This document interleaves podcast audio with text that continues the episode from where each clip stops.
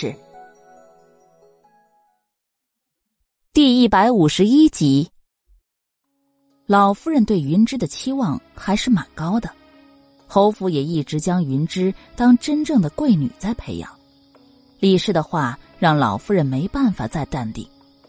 事关云芝，老夫人的目光凌厉起来，她冷眼看着云柯：“柯姐，这件事情，你还有何话可说？”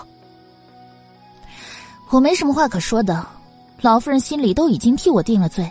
我还有何话好说？只是你们在给我定罪之前，是不是最起码也要确认玉儿手里的衣服到底是不是男装？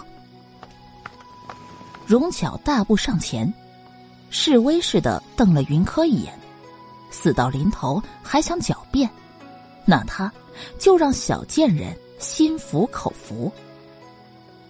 只是，当荣巧抖落玉儿手里的灰青色布料时，整个人都愣住了，全场死一般的宁静。这哪里是什么男装？这分明就是一件女人的衣服，而且衣服的款式正是十年前风靡全京城的。我想我娘了。如果我娘还在，你们还会这样欺负于我吗？再多解释的话，都不及此时云柯那悲怆的神情。衣服是十年前流行的款式，让人埋进土里也只是追忆亡母，可偏偏被有心之人指责，说成他私通外男的证据。正是应了云柯的那句：“她只是个娘死爹不疼的孤女，若她有娘亲庇护，这样的事情又怎么可能发生？”我可怜的小姐，这要是让将军和老夫人知道了。还不知道会怎么心疼呢。白嬷嬷的话让所有人都像是突然想起云柯的外祖是将军荣章。沉默了半天的云泰起身走到武安的面前，狠狠的一脚踹了过去。谁给你的胆子让你诬陷三小姐的？没没有，小的真与三小姐情投意合。武安仍旧狡辩，对云柯的奇想。让他不想就这么放弃，云泰又狠狠的踢了一脚，吴安只觉得自己的胸口痛得不能自已。梦梦，没事。你说的对，我没有娘亲了，但我还有外祖家，还会有人疼我的。少女柔弱的声音在锦院里回荡，饶是容巧。似乎都听出了那绵绵话语中的柔弱。说，究竟是谁指使你的？云泰有些烦躁。将军府的蛮人有多难缠，他是知道的。这事儿原本他可以不管的，但奈何这个蠢货却是他的长随，这下他不得不管。如果让将军府知道，云柯在他的眼皮子底下被他的人给欺负，那明日早朝，他绝对会被弹劾死。是是，巧夫人让小的这么做的。她说，如果小的能照办，就可以得到三小姐了。小的，小的。武安的话止于云泰的右一脚。李氏见云泰发火，当即也缩了缩脖子。这个时候哪里还敢去火上浇油呢？云柯不可怕，但将军府可怕。武安的话让荣巧吓破了胆，她慌乱的跪在老夫人面前为自己辩解：“老夫人，不是的，妾身没有指使这武安，没有，绝对没有的。”四妹妹，早上在福寿堂，你说不会善罢甘休的，原来这就是你的不会善罢甘休。云柯声音悠悠，却是成功的将荣巧的话给全部堵死。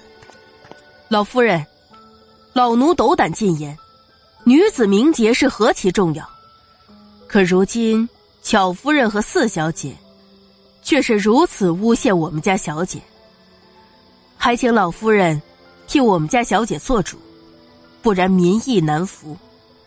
一句民意难服。将老夫人逼到了不得不处置荣巧母女的地步。即便是恼怒白嬷嬷的咄咄逼人，可老夫人依旧不敢多说她一句是。第一百五十二集，荣巧，自今日至你生产，都不得再出玉巧院半步。至于云裳，便去郊外庄子上住一阵子吧。柯姐，你如今也长大了，也该学着处理庶务了。三房，便交给你打理吧。老夫人像是突然苍老了许多一般，整个人有些疲倦，看向云柯的眼里愧疚难泯，却像是多了几分不耐。云柯轻神。荣巧却是直接垮下脸来，他过去没少被禁足，所以他并不担心，但想到商姐儿要被送上庄子上了，他却是慌了。不，老夫人，妾身知道错了，可是二十无辜的他还小，他从未离开过妾身，他如何能独自生活在庄子上？请老夫人饶过商姐这一次吧。只有犯了大错的人才会被送到庄子上，而且老夫人并没有说要在庄子上待多久。商姐儿马上就十二岁了，在京城十二岁便可以相看人家，过两年就可以定亲了。如果让商姐儿一直待在庄子上，到时候错过了相看人家，她岂不是害了自己的女儿？这么一想，荣巧如何愿意将云裳送走？可老夫人这次也是狠下心来，任由荣巧怎么说都不松口，让张嬷嬷安排人，马上把云裳连夜送走。荣巧跌坐在地，没想到事情会发展到这一步。他明明是想算计云柯的，可到头来，受伤的却是他们母女二人。这不公平，这也不是他想要的。柯姐，柯姐，求求你，你就放商儿一马好不好？她可是你的亲妹妹啊！你怎么能眼睁睁的看着她，看着她被人如此糟蹋呢？我求求你了，柯姐。我求你了，柯姐。荣巧朝云柯磕着头，可云柯却连眼皮都没抬一下。前世他似乎也曾这样求过荣巧吧，求他想办法救救将军府。可最后荣巧却是让人将他赶出了玉巧院。祖母让四妹妹去庄子上休养生息，这是祖母的仁慈。巧姨娘可不得再胡言乱语啊！云柯勾唇冷笑，他来执掌三房钟会，这原本就是意料之中的事情，也算是老夫人对他的补偿，他也用不着客气。等送走四妹妹，云柯会亲自上玉巧院来跟姨娘核对账目。这些年来，姨娘执掌三房，终会辛苦了。听说，我娘亲的嫁妆，都是在三房公库房里。白嬷嬷，你明早去一趟将军府，向外祖母要我娘亲的嫁妆清单。相信姨娘是清廉之人，定不会贪没死者嫁妆的。哼！噙着盈盈笑意，云客的话如同一把尖锐的刀子。刺进荣巧的胸口。荣代当年可谓十里红妆嫁进定国侯府，她的嫁妆自然是极为丰厚的。老夫人出身王府，对这些身外之物向来不看重。这些年，荣黛的嫁妆都落在了他的手里。原本在云柯刚回府里，他也曾防备过，但云柯一直都没提及此事，他以为云柯不知道此事。可是现在看来，这云柯分明是早就记在心里，一直隐忍不发，却又趁今天这事儿一起闹出来，等着给他致命一击呢。荣巧后知后觉的发现，今晚的事情似乎一直都掌控在云柯的手里，甚至于云柯极有可能早就知道了他们母女的计划，一直在将计就计。这一刻，荣巧全身发冷。一直以来，他都太小看云柯了，所以才会输得这样彻底。小荣氏，你可听见了？戴尔当年的嫁妆，你得一个子儿都不少的交到科尔的手里，不然我不介意让荣锦来接人。监制：君言讲故事，第一百五十三集。今日的事情让老夫人觉得丢尽脸。而这一切都是荣巧弄出来的。如果他再不能妥善的处理好，那定国侯府休个小妾也并不是什么大事。荣巧听出老夫人的弦外之音，更是害怕的全身沁凉。老夫人放心，妾身一定好好配合三小姐。他不能被休回荣府，前两日荣府还来人问他要钱，如果他被休。那荣府肯定也没有他的立身之处。得到他的肯定答案，老夫人便扶着张嬷嬷的手离开。云泰李氏自然也跟随。武安之前被云泰踢晕死过去，也被云泰的人带走。整个锦院安静下来。如果忽略还跌坐在地的荣巧的话，云柯，今日发生的事情。你早就知道了，对吗？荣巧咬牙切齿的问道。他从未将眼前的小姑娘看在眼里，但今日她却是死栽在这锦院里。我不仅知道武安会来，我还知道韵儿是你的人，更知道你让玉巧院的下人缝制了一件灰青色织缀南长袍。荣巧，机关算尽。却仍然不能如愿的感觉，如何呢？云柯浅浅笑着，居高临下的看着荣巧，就如前世荣巧这样凑近他说话一般。云柯，你不得好死！荣巧恨恨的骂着，可任由他怎么骂，云柯都是浅笑着。骂吧骂吧。如果你想借着你肚子里的这团肉来翻身的话，那我也告诉你，你趁早打消了这个念头。你知道明月是如何爬上云三爷床的吗？那是因为我告诉过他，如果想位于人上，就要舍得豁出去。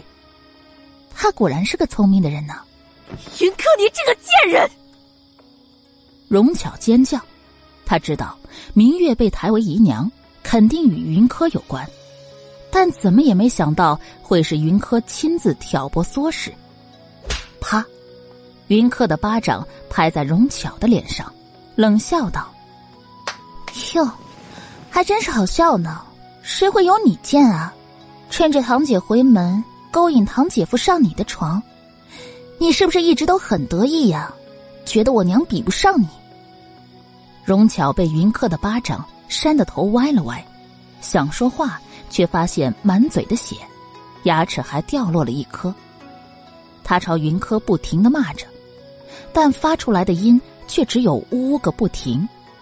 云柯冷笑一声，低头看到荣巧嘴里的血沾到手了，皱了皱眉。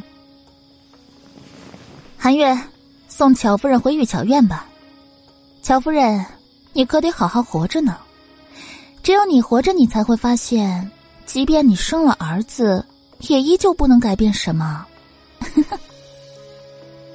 荣巧还想再骂，却发现衣领被韩月给拎住了，那窒息的感觉让他慌乱不已。荣巧的离开，让云柯觉得院子里的空气都清新起来。小姐，被人忽略的韵儿惶恐的轻唤了一声。眼看着巧夫人都被三小姐收拾了，她一个小小丫头，哪敢再多言？云柯轻飘飘的扫了他一眼，吩咐韩秋道：“明天吩咐人牙子来一趟。”韩秋应下，韵儿却是直接瘫软在地。三小姐这是要直接发卖了他们呀！云柯重新回到阁楼上，目光扫向老槐树，见槐树上下安静一片，想来那人已经走了吧。看了这么一场大戏，还真是便宜他了。云柯暗暗想着，转身准备回房休息。只是刚回房，便感觉有人影朝自己走来，腰间暗器刚摸到手，就被人直接给抱到了怀里。想出手攻击，却发现双手被压制，完全腾不开力道来。你可还好？耳畔，男人低沉的嗓音响起，带着明显的心疼之意。云柯一愣。第一百五十四集，不劳王爷操心，云柯很好。挣扎不开，云柯便不再白费劲儿。这会子他确实很累了。本王都不知道，你原来在侯府里过着这样的日子。他原本以为。小姑娘身为云玉嫡女，有那样显赫的外祖家在，怎么着也该是衣食无忧、奴仆成群的。可是没想到，他身边的亲人没一个心疼他的不说，就连院子里的小小丫头也敢欺他。如果不是他自己本身有能力，那今晚私通外男这样的罪名压下来，他这一生就完全毁了。想到怀里灵动十足的小姑娘可能会委屈的自缢轻生，楚天阙就觉得心痛成了一片。这种感觉以前从来不曾有过，让他恨不得立马出现，替他将那些人给一一捏碎了。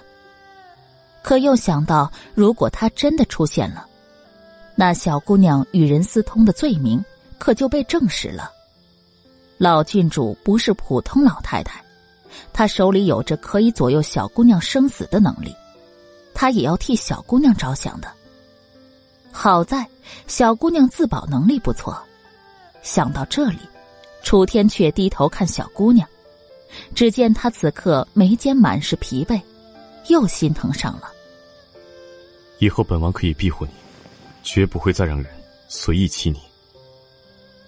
目光灼灼的看着小姑娘。楚天却诉说着自己最真诚的想法，可云柯却是有些反应不过来。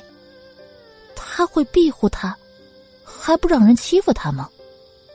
他确定他不是上天派来搞笑的吗？他目前最大的顾忌就是他三王爷好吗？自重生以来，还从来没人能威胁到他，而楚天阙却是头一个的。如果我没记错的话，你前天晚上还威胁我来着。云柯眉头轻蹙，神色不明的看着楚天阙，那模样极为认真。楚天阙面色一僵，唉，出来混总是要还的。他当时只不过是见不得小姑娘在他面前拽五拽六的，有心逗逗她，想让小姑娘敬畏于他。但真当小姑娘在他面前。表现出害怕的神色时，他却又觉得不舒服。现在被小姑娘这样认认真真的瞧着，楚天却再次心虚起来，想说上次是逗你玩的，但又担心小姑娘会认为他是言而无信的人。万般纠结间，没发现小姑娘已经从他怀里离开。回过神时，怀里早就已经空了。怀抱空了，连带着他的心也像是空了一般。过去的事情不提，日后本王定不会再让人欺负于你的。楚天却认真保证，神情极为自然。云柯却是神态自若的端起桌上的茶水，轻抿一口，而后才淡淡出声。你可知道，老夫人为何不能完全的偏袒于我？明知道我弱势的情况下，为何？这也是楚天却想不明白的地方。荣巧只不过是个小妾，胆敢这样欺负作为嫡女的云柯。老夫人出身王府，却也在云柯有将军府的支持下，堂而皇之的轻慢云柯。云柯见他似乎真的不懂，嘲讽一笑：“ 因为花神灯会那天，你送了我七巧玲珑灯啊，因为他出身陆王府，是武阳郡主的姑祖母。”楚天却听懂了，因为老夫人顾忌云柯得了他三王爷的青睐，会影响武阳嫁进给他，所以才这样极力打压云柯。楚天却觉得脸疼，特别是小姑娘那明显埋怨的眼神，时不时的扫落到他的脸上，他更是觉得心虚。可再心虚，也得将事情说清楚明白了。本王与武阳没有半个铜板的关系，更不可能会娶她。他现在一心想将小姑娘给哄到身边，这样就可以随时亲她抱她了。故事第一百五十五集。王爷与武阳郡主有没有半个铜板的关系，我并不在意，也不关心。我与王爷本就是两个世界的人，我只想守护我身边的亲人，而王爷也有自己想要追求的东西吧。不如我跟王爷做个交易吧。云柯眼皮轻抬，目光淡淡的看着楚天阙，不悲也不喜，不怒也不怨。楚天却觉得，如果他将眼前的小姑娘当成一个陌生人或者搭档的话，他。无疑是最合格的。可事实上，他并没有将小姑娘当成陌生人，也不想将她收入麾下当谋士，他想将她划分为最亲密的人。所以，看到小姑娘这疏远的模样，楚天却觉得心情很不爽，冷着脸在小姑娘最近的位置坐下来，但又想跟小姑娘多聊两句。只得耐着性子问小姑娘：“什么交易？”我助王爷登上九五之尊，而王爷你保证将军府的和府安危，如何？略一思忖，云柯便缓缓道来：“他原本是想说，我帮你对付楚逸轩，你帮我保护将军府众人的，但又想到他之前就威胁他。”要告诉楚逸轩将军府寿宴和灯会那晚认出刺客的事情，此番他若是不答应交易，又拿今晚的谈话内容来威胁他，那岂不是得不偿失吗？你可知你在说什么？楚天却静静的看着眼前的小姑娘，房间里朦胧的烛火下，他侧着身子。脸上的神情有大半隐藏在阴暗中，但露出的那一半，云柯还是看得清楚。深吸一口气，云柯握了握拳，浅笑淡然：“我当然是知道自己在说什么的，我知道王爷想要什么，我也知道自己有什么能力和本事。如果王爷能答应保护将军府不受波及，那我……”自助王爷得偿所愿，自信而明媚的嗓音，让云柯整个人都像是蒙上了一层光芒。楚天却看得不眨眼，这样的小姑娘，自信的让他想马上入回宫。可听着他如此的维护将军府，他心里怎么就那么涩呢？准确的来说，是又酸又涩。他不怀疑小姑娘的能力。灵山蓝衣教出来的徒弟岂会是平庸之辈？这一点从小姑娘那只漏冰山的阵法水准就可以看出来了。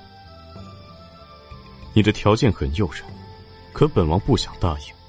本王想要什么，本王自会用自己的方法去获得。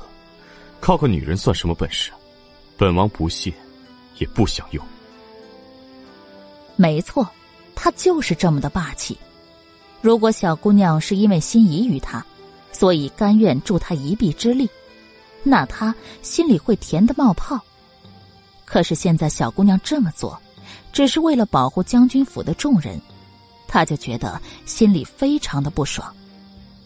如果他没记错的话，不管是荣成还是荣琪，对小姑娘可都是掏心掏肺的，他看不得，所以自然也就不会答应。云柯没想到他会不答应，因为在他看来，但凡有对地位有一分心思，他的条件就很诱人。可偏偏这人还真就拒绝了，云客气得不轻，瞪了他一眼，然后转过头端杯喝茶，有些不太想跟他继续说下去。本王是个男人，对你也是男人对女人的兴趣，若你的心思。是用在本王的身上，本王自然会同意。楚天却认真的说着，难掩骨子里的霸气桀骜。他向来不是好人，自然不能容许自己看中的女人为别人鞍前马后的，哪怕这些人是他的亲人也不行。监制：君言讲故事，第一百五十六集。他的话让云柯紧咬后槽牙，满心想骂人的话，最终还是压下，最后冷着脸说了句：“王爷，请回吧，我要歇息了。”既然交易是不可能了，那他不待见他的事实也就没必要再隐藏。说着，云柯就直接起身坐床上，向里侧躺下，背对着楚逸轩。逐客之意简直不要太明显。楚天却自小便极受大楚皇帝宠爱，平日里行事也是张狂不已，身边之人和大臣们别说赶他了，个个都是巴不得他能多垂怜几分的。可偏偏云柯这小姑娘，每次见面不是冷眼瞧着他，就是一个劲儿的赶他走，新鲜感是有。但更多的是恼怒，恼他的不知好歹，更恼他的不长眼，看不出他的优秀。此番被他再次驱逐，楚天却拉不下脸继续留下来，一甩衣袖，便怒气冲冲的离开。见他离开，云柯才终于是松了口气，为自己今晚的冒犯而懊恼。他终究还是急破了的。如此轻易的就亮出自己的底牌和底线，可楚天阙却并没有成为他的盟友。如果楚天阙有心将他今晚的话捅到皇上面前，那他就只有吃不了兜着走的结局，说不定还会被安上一个大胆谋逆的罪名。云柯恼得直捶床。只希望楚天却不是那么嘴碎之人，可他又没把握他不会这么做。以他对楚天阙的了解，那人可是什么事都做得出来的。因为心里装了事，翻来覆去的，一直折腾到天快亮才睡下。韩月，你家小姐可是起了？锦院门口。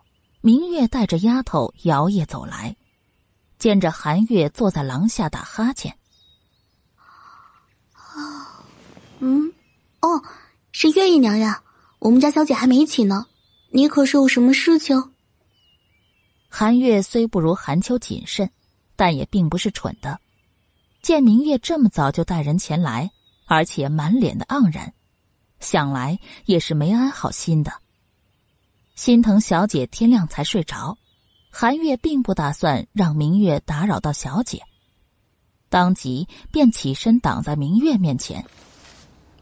这都日晒三竿了呢，三小姐还没起啊？明月声音拔高了几分，目光扫向院内阁楼。韩月面上一冷，这明月还真把自己当回事了呢。不过是个姨娘，端的。好像是三房主母一般。轻嗤一声，韩月闭上前，明月被韩月脸上的煞气吓得后退两步。来者是客，我好歹也算是三小姐的半个长辈。韩月，你身为三小姐的贴身丫头，可不能太过放肆。明月说的苦口婆心，但眼里的优越感太过明显。韩月是个暴脾气，明月的话让他怒气压抑不住，直接呛道：“你哪来的脸自称我们小姐的长辈？不过是个不要脸、爬上主子床的下贱胚子罢了。”真以为给了你几分颜色，你就真可以开染房了？明月被韩月给呛得眼泪汪汪。他在锦院时，韩月虽然不怎么待见他，但也不算是难相处的。为何这才不过数日，韩月就是这般模样？明月觉得，韩月肯定是因为自己成了三爷的女人，被抬为姨娘做了主子，身份高于韩秋、韩月了。所以才会引起韩月的嫉妒。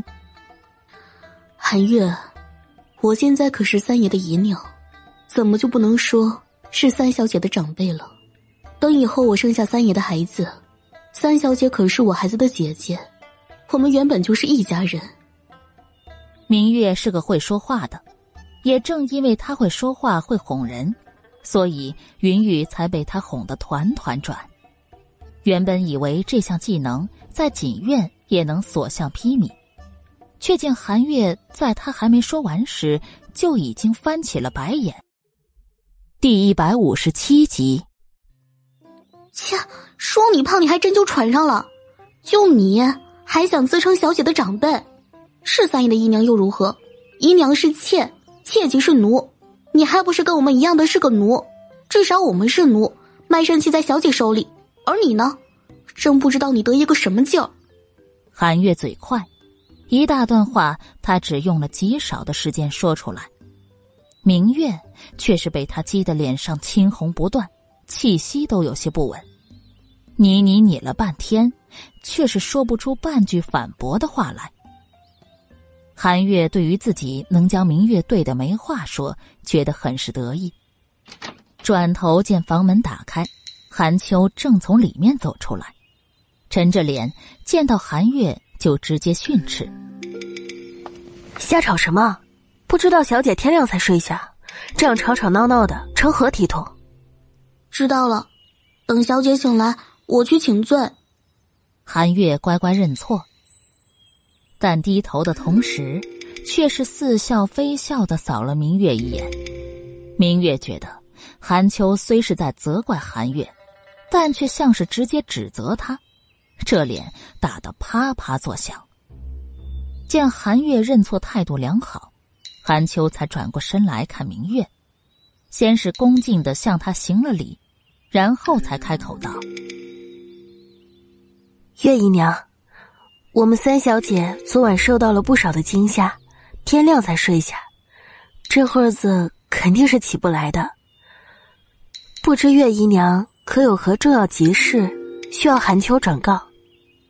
韩月的泼辣直对，让明月觉得气愤异常。但韩秋的有理有节，却是让明月有些自惭形秽。认真的看了韩秋两眼，发现他脸眉静候在面前时，远看像一幅山水画，近见则是娴静淡雅。这样的姿容，说她是小户人家的千金，也是使得的。月姨娘，正当明月感慨云柯身边人才济济时，韩秋提高声音提醒了他一句。明月回过神来，既然三小姐尚未起身，那我待会儿再来拜访吧，就不麻烦韩秋姐姐转告了。明月示意身边的丫头上前递了个荷包给韩秋。然后便告知回了自己的明月阁。看着他的背影，韩月唾了声：“哼，就这么个破玩意儿，还自称小姐长辈！再有下次我撕了他的嘴，看他还说不说。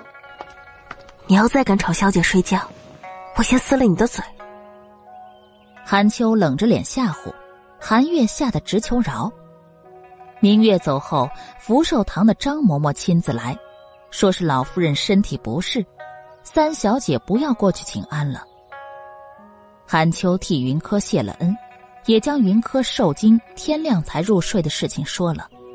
张嬷嬷神色有些异样，匆匆离开。等云柯起来时，韩秋便将两件事情跟他说了，一并说了自己对两件事情的看法。奴婢觉得，明月前来定是听说荣巧被禁足，三房以后是小姐你当家了。所以他过来探探口风。至于老夫人的意思，就有些耐人寻味了。莫非他让张嬷嬷过来，看看你有没有禀人回将军府告状吗？害怕这只是一部分的原因。我猜老夫人可能更多的是想看一下我本身的情况呢。云柯轻轻一笑，对于老夫人的心思。略有几分猜测，韩秋不解，这跟小姐本身的情况有什么关系呢？见他不懂，云柯便细细解释：“你今日回答的很好，我昨晚可不就是因为受惊所以才晚睡吗？不仅如此，我还受惊染了风寒呢。”韩秋稍一思索，便明白了，浅笑着退下。小半个时辰后，三小姐昨日夜里受惊染了风寒的事情便传了出去。故事第一百五十八集。临近中午时分，张嬷嬷第二次来锦院，不但带来了老夫人要三小姐好好休息的口讯，更是送来了许多的滋补品，要韩秋、韩月。不要吝啬给三小姐用，要是用的不够啊，福寿堂里还有。韩秋恭敬的收下，将张嬷嬷请到云柯的房间里。云柯挣扎着要去福寿堂请安，顺便禀报要将锦院里丫头都给换一遍的想法。张嬷嬷代替老夫人，感受到了三小姐的一片孝心。同时，也代表老夫人表态：锦院里的丫头都不堪大用，将他们所有人的卖身契一并交给三小姐，由三小姐统一安排他们的去留。然后，三小姐非常感恩老夫人的体谅，并要韩秋亲自将张嬷嬷给送回福寿堂。韩秋回到锦院，老夫人可有说什么？云柯不咸不淡的问道：“韩秋想着老夫人刚才那憋屈的模样，有些忍不住笑。老夫人说，三小姐自小身体娇弱，一回府又受到了那么多的委屈，是应该好好休息一番的。以后三房就靠三小姐用心打理了，有什么需要可以随时去福寿堂求助。”云柯轻呵，昨晚的事情。虽不是老夫人操控的，但昨晚老夫人的行为还是让他失望了的。她虽是丧母孤女，父亲不疼，但在她被姨娘庶妹欺负的情况下，老夫人没有第一时间站在她这边。这样的话要是传出去，于定国侯府和老夫人名声而言，还是有碍的。何况将军府可是随时关注她的。要是让将军府知道他受惊感染风寒，一定会追究原因。细查之下，得知老夫人的不作为，定是会迁怒的。这样的道理，老夫人自然是明白的，所以才会让张嬷嬷送滋补品来，又任由她处理锦院的丫头们。至于三房的钟馗，老夫人更是不能有半分的迟疑。这。就是云柯想要的结果。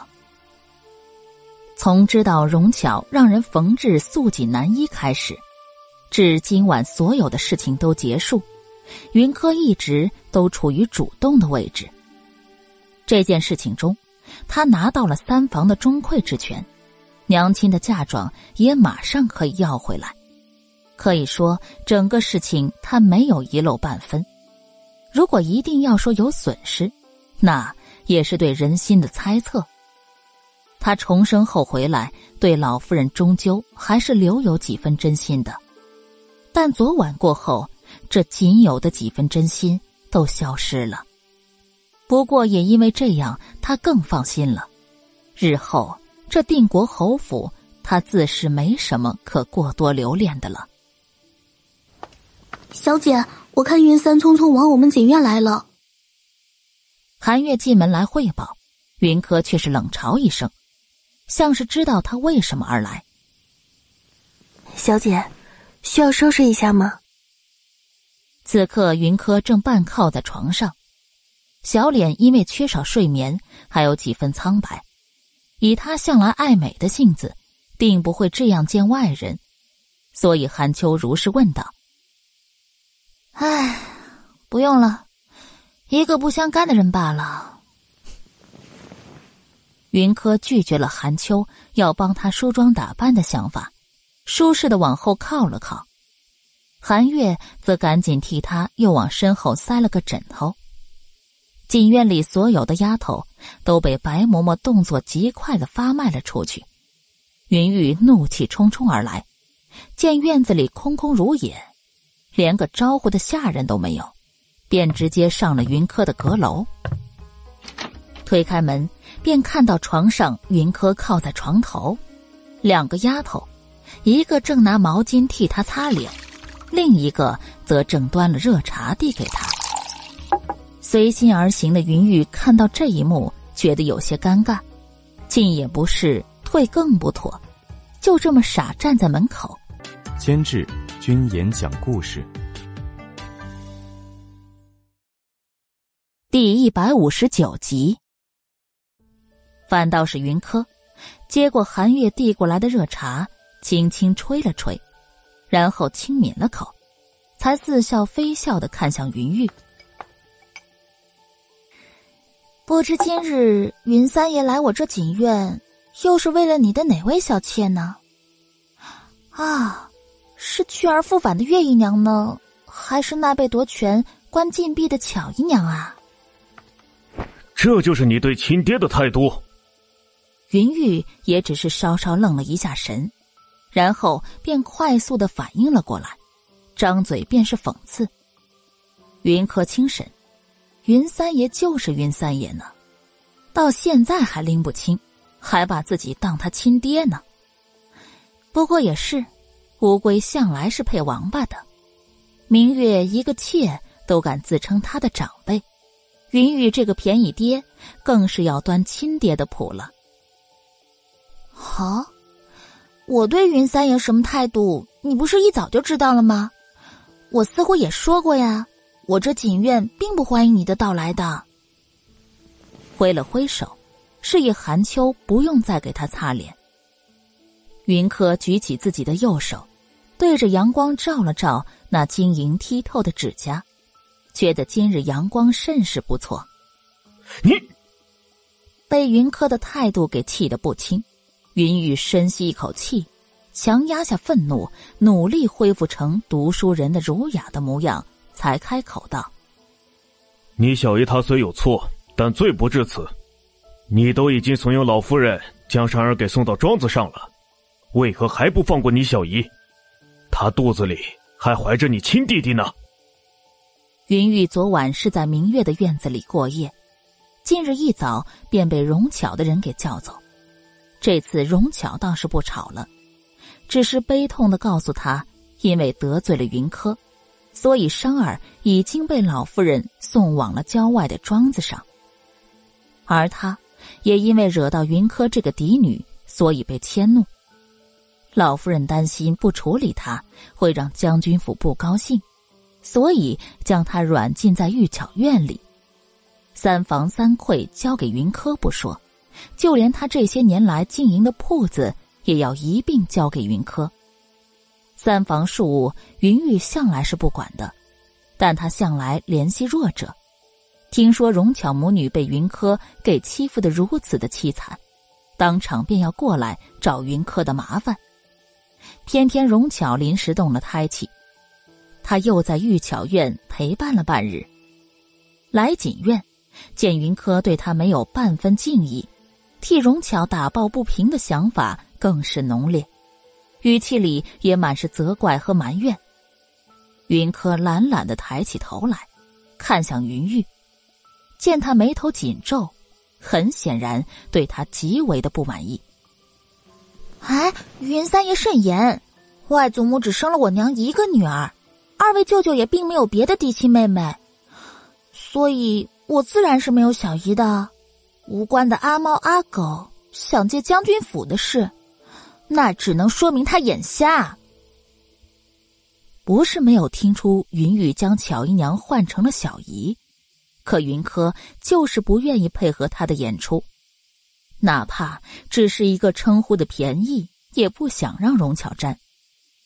云玉被云柯这么一番抢白，顿时脸色有些不好看，偏偏云柯当做没看见。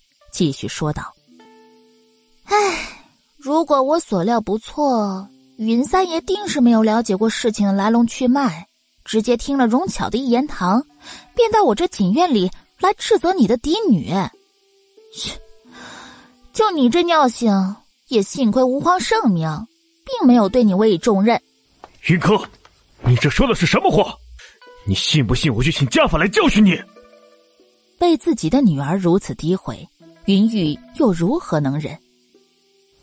请家法又如何？难不成堂堂天子脚下还不让人说实话了？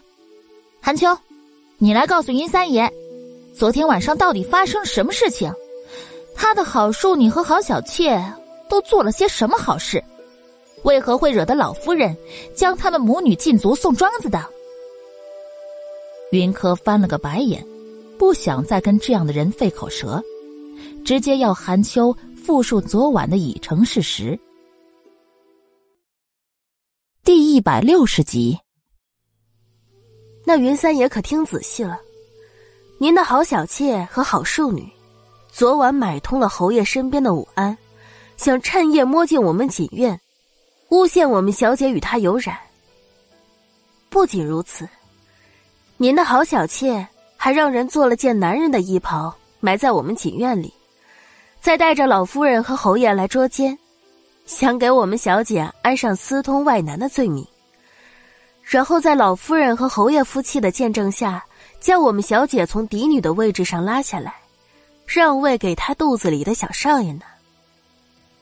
韩秋也是没有半分的客气，不但将云柯想让他表达的意思说出来了，也将云柯没有说明的更深层意思给摊在了云玉的面前。云玉有些不可置信，明明荣巧不是这么跟他说的。云柯轻抬眼睑，看云玉的模样，就知道他不相信。巧儿不是这样的人，他明明说过，他只想生个儿子，让你有个依仗。云玉喃喃道，云柯却是直接嗤之以鼻。切，那也只有你这种智商的人相信。云玉不悦。但是又不知道如何来反驳。他站在门口，像尊门神一样，挡住了从外头照射进来的阳光。云柯有些不喜，也收了几分想与他争辩的心思，眉头轻蹙，直接开门见山：“你今日来是想替荣巧要回掌家之权，还是想要回我娘的嫁妆的？”云玉一愣，但也顺着云柯的话接口。他现在怀有身孕，不适合操劳。你即将子姬，学着管理熟务也是应当。至于你娘的嫁妆，那不是一直是？他想说，那不是你娘管着吗？后来又觉得不对。荣黛逝去十几年了，云柯又一直不在家，那嫁妆现在何处？他并不知道。我今日来，不是来替荣巧要你娘亲嫁妆的。这是荣巧名下的那几间铺子，你该还了他。你一嫡女拿姨娘的东西，名声不好听。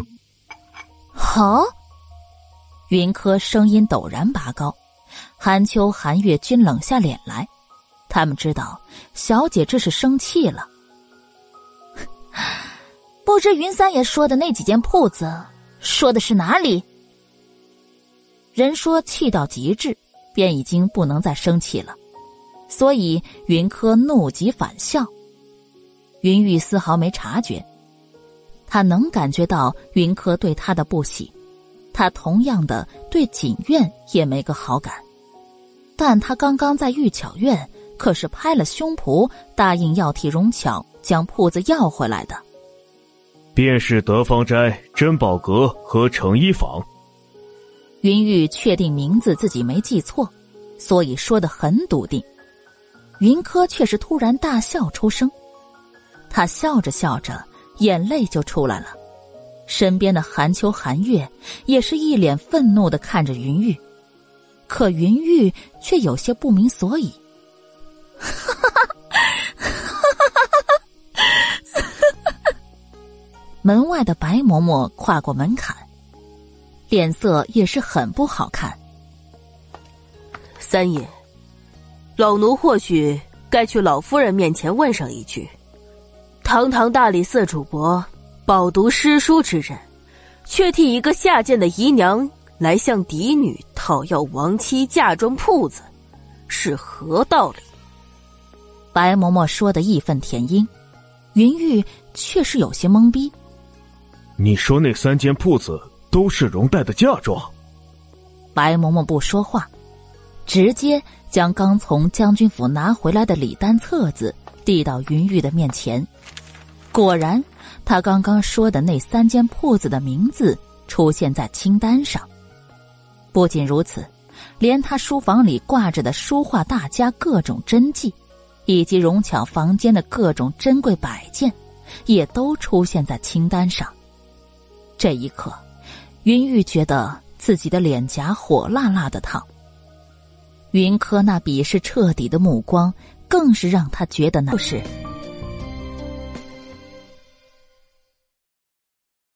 第一百六十一集，哈哈哈哈哈！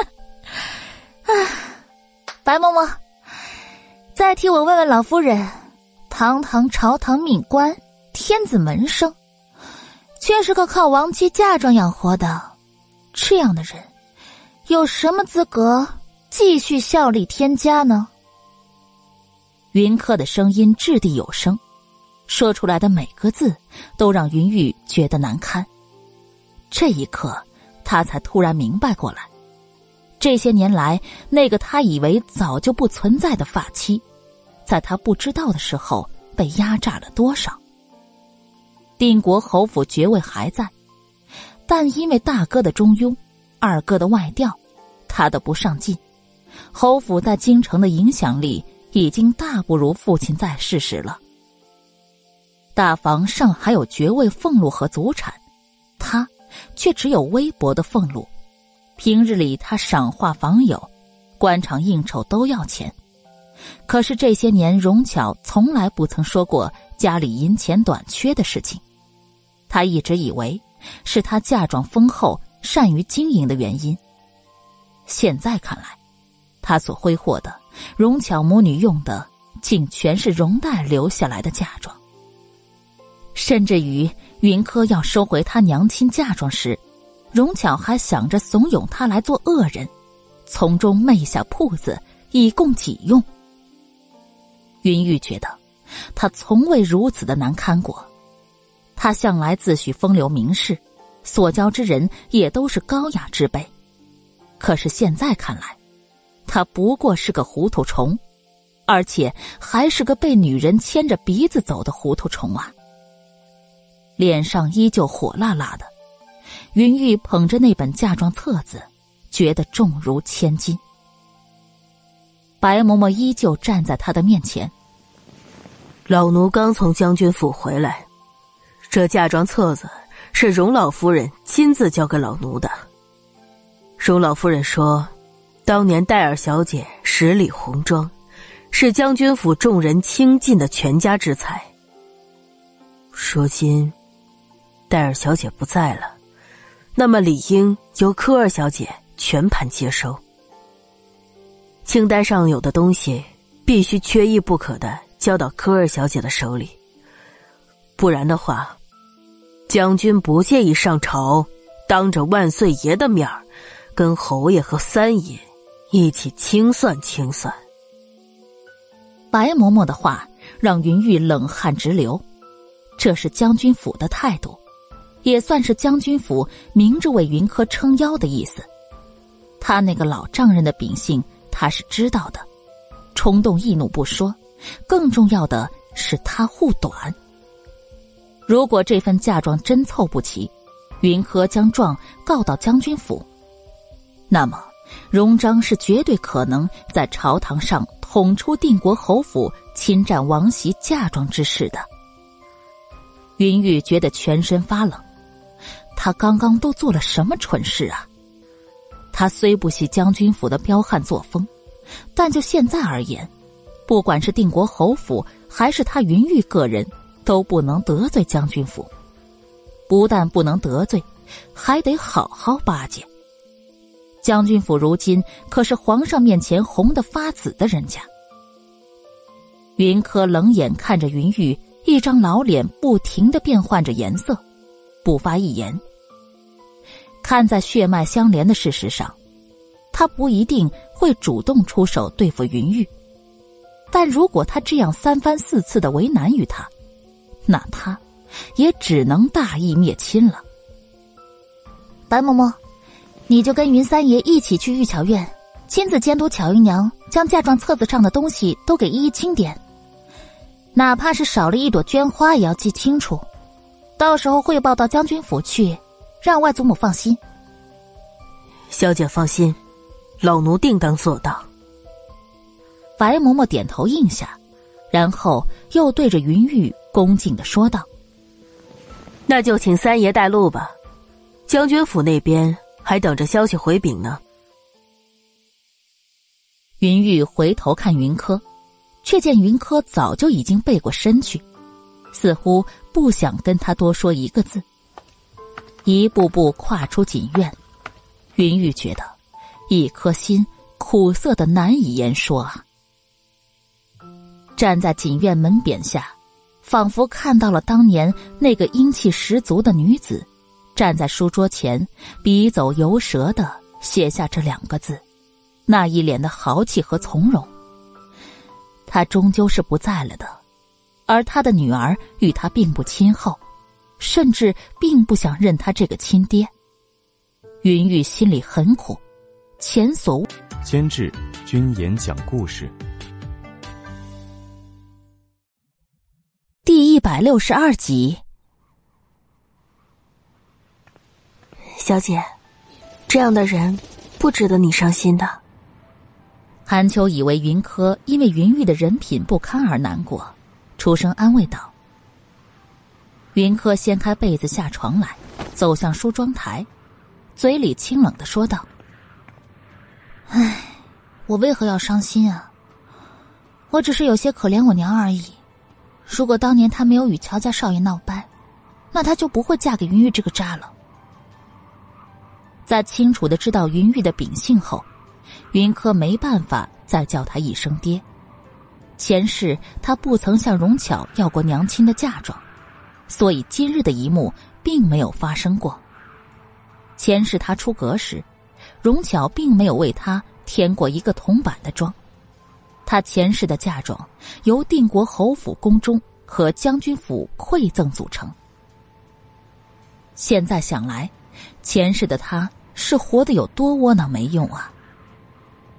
人生在世，能轰轰烈烈的爱一场就已经是圆满了。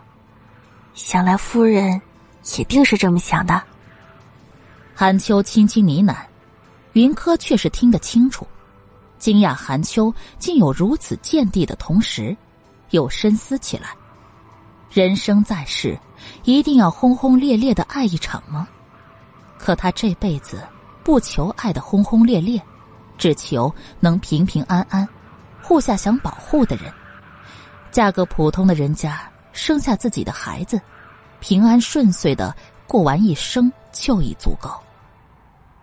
耳畔似乎响起一个慵懒性感的声音：“你做本王的王妃可好？”云柯一凛，他怎么又想到那个登徒子？不行，不能想，他与他终究是两个世界的人。云柯甩甩头，要韩秋替他梳头。他至少要跟荣巧对峙一回，也要当着三房所有的面，将掌家之权给收回来。三房自荣巧进门，便一直是荣巧在打理。荣代看不上云玉，更不想替他管理后院，所以在当年荣巧提出想为姐姐分忧时，荣代便索性交给了荣巧。这些白嬷嬷今早已经跟他说过。云柯有了大概的了解，也正因为知道这些，所以明白他想从荣巧手里接过钟馗，只怕还要费一番周折。他向来不喜拐弯抹角，直接让韩秋将三房所有的下人都叫到了荣巧的玉巧院。云柯进玉巧院时，正好看到云玉怒气冲冲的跨出荣巧的门。看到云柯来玉巧院，云玉有些诧异，云柯却没看他一眼，直接让韩秋给他搬了张椅子，摆在院子里。陆续有下人进来，云玉随意找了个下人问怎么回事，下人不敢隐瞒，将三小姐让众人来这里的事情说了。云玉脸一黑，对着云柯就大声呵斥道。你是不是要闹得全府皆知才甘心？还不赶紧给我回到妓院里去！云柯置若罔闻，冷着脸吩咐韩月，让所有的下人分男女两列站好。云柯，云玉拔高声音，对云柯不理他的行为很是不满。云三爷，人的面子都是自己给的，你是不是觉得我当着三房所有下人的面？将你和你爱妾的那些英雄事迹都抖出来，你才会更高兴呢。云柯声音冷冰冰的，云玉却只觉得喉咙里哽着一口老血，整个人极为的憋屈。他当然不想让人知道他压榨荣黛嫁妆的事情，可这样当着下人的面被自己的嫡女狠对，他也是不满意的。对于他的不满意，云柯并不看在眼里。眼见着下人们都来的差不多了，示意韩秋可以开始了。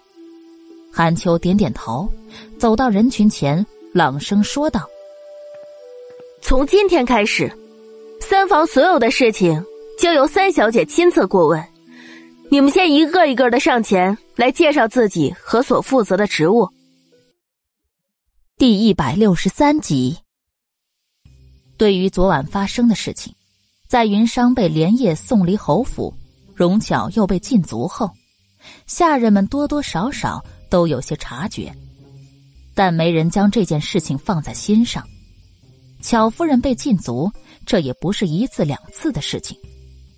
以前巧夫人惹老夫人生气，老夫人也总是不痛不痒的要求她禁足不出院子，但每次。三爷都会阴奉阳违，让巧夫人自由活动。想来这次也用不了多久能出来。至于三小姐，这不过是个乳臭未干的孩子罢了，他们甚至都不想应付的。云柯静静的坐在椅子里，目光一一扫过面前站着的那些人，他们没有丝毫的掩饰，或者说，他们就是故意让他知道。他们看不起他的事实，所以并没有丝毫的掩饰。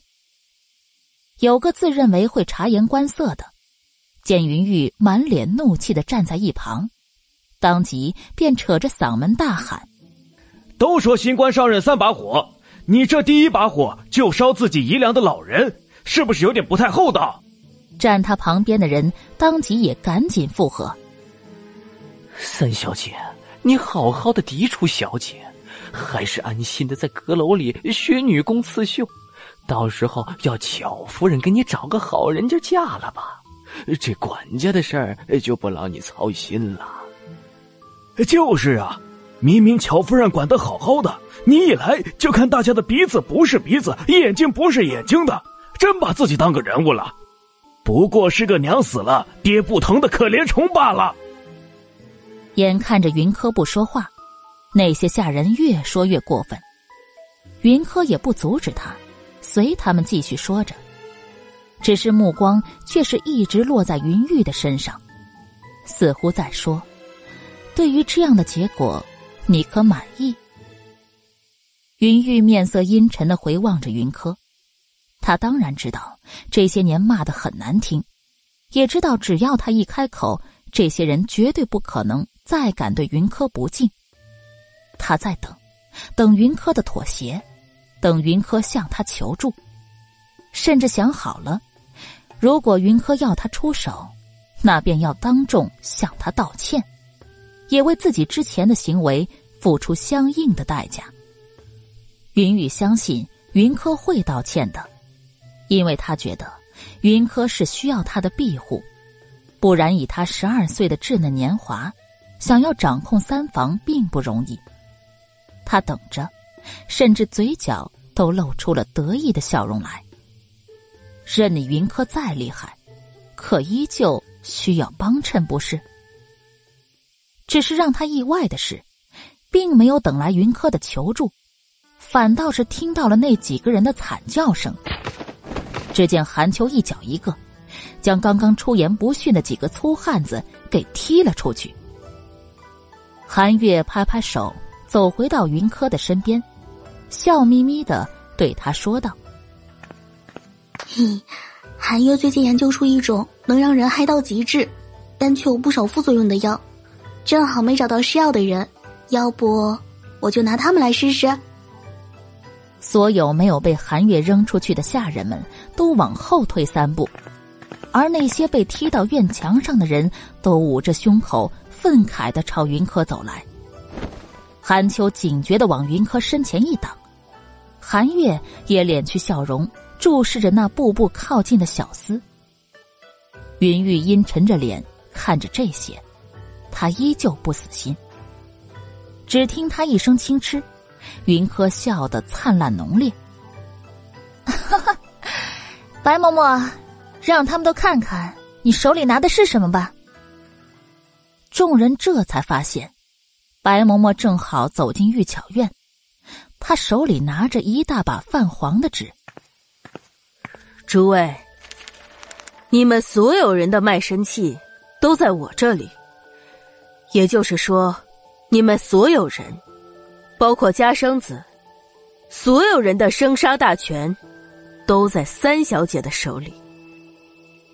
这也是三小姐为什么可以站在这里号令你们的原因。你们还有不服气的吗？不是。第一百六十四集，三小姐，我还以为你会什么别的高招。原来也不过如此，拿着我们的卖身契来威胁我们，太卑鄙了。其中一成年男子第一个跳出来，指着云柯骂道：“在他身后，不少人一起对着云柯指指点点的。”韩月心急，准备跳出来为自家小姐打抱不平。韩秋拉住了他，示意小姐自有办法解决。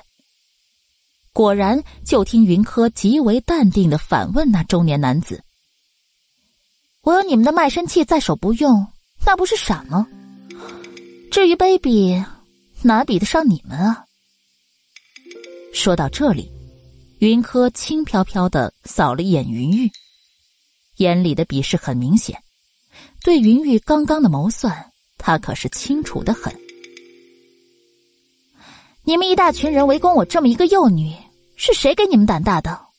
莫不是以为我父母双亡？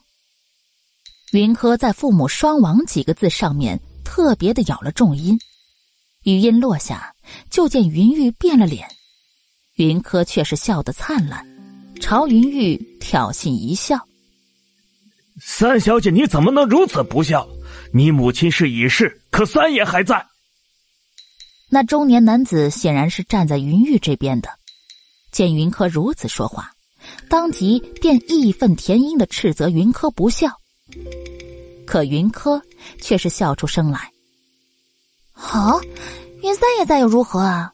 他不但在，他还眼睁睁的看着几个下贱的奴才侮辱于我。这样的父亲要了何用？云柯，云玉大声斥责，云柯则是笑眯眯的看着他，像是在说：“有本事你就闹啊，闹到场面上来看看谁更没脸。”见云柯不但没有认识到自己的错误，反而如此嚣张大逆不道，那中年男子似乎再也忍受不住一般，往前走了两步。逼近云柯，似乎想趁机拿下他。韩月见势不妙，就想拦下他，却见小姐朝他使眼色，又慢慢的收回了自己的脚，让那中年男人在短时间里便离得小姐三步远。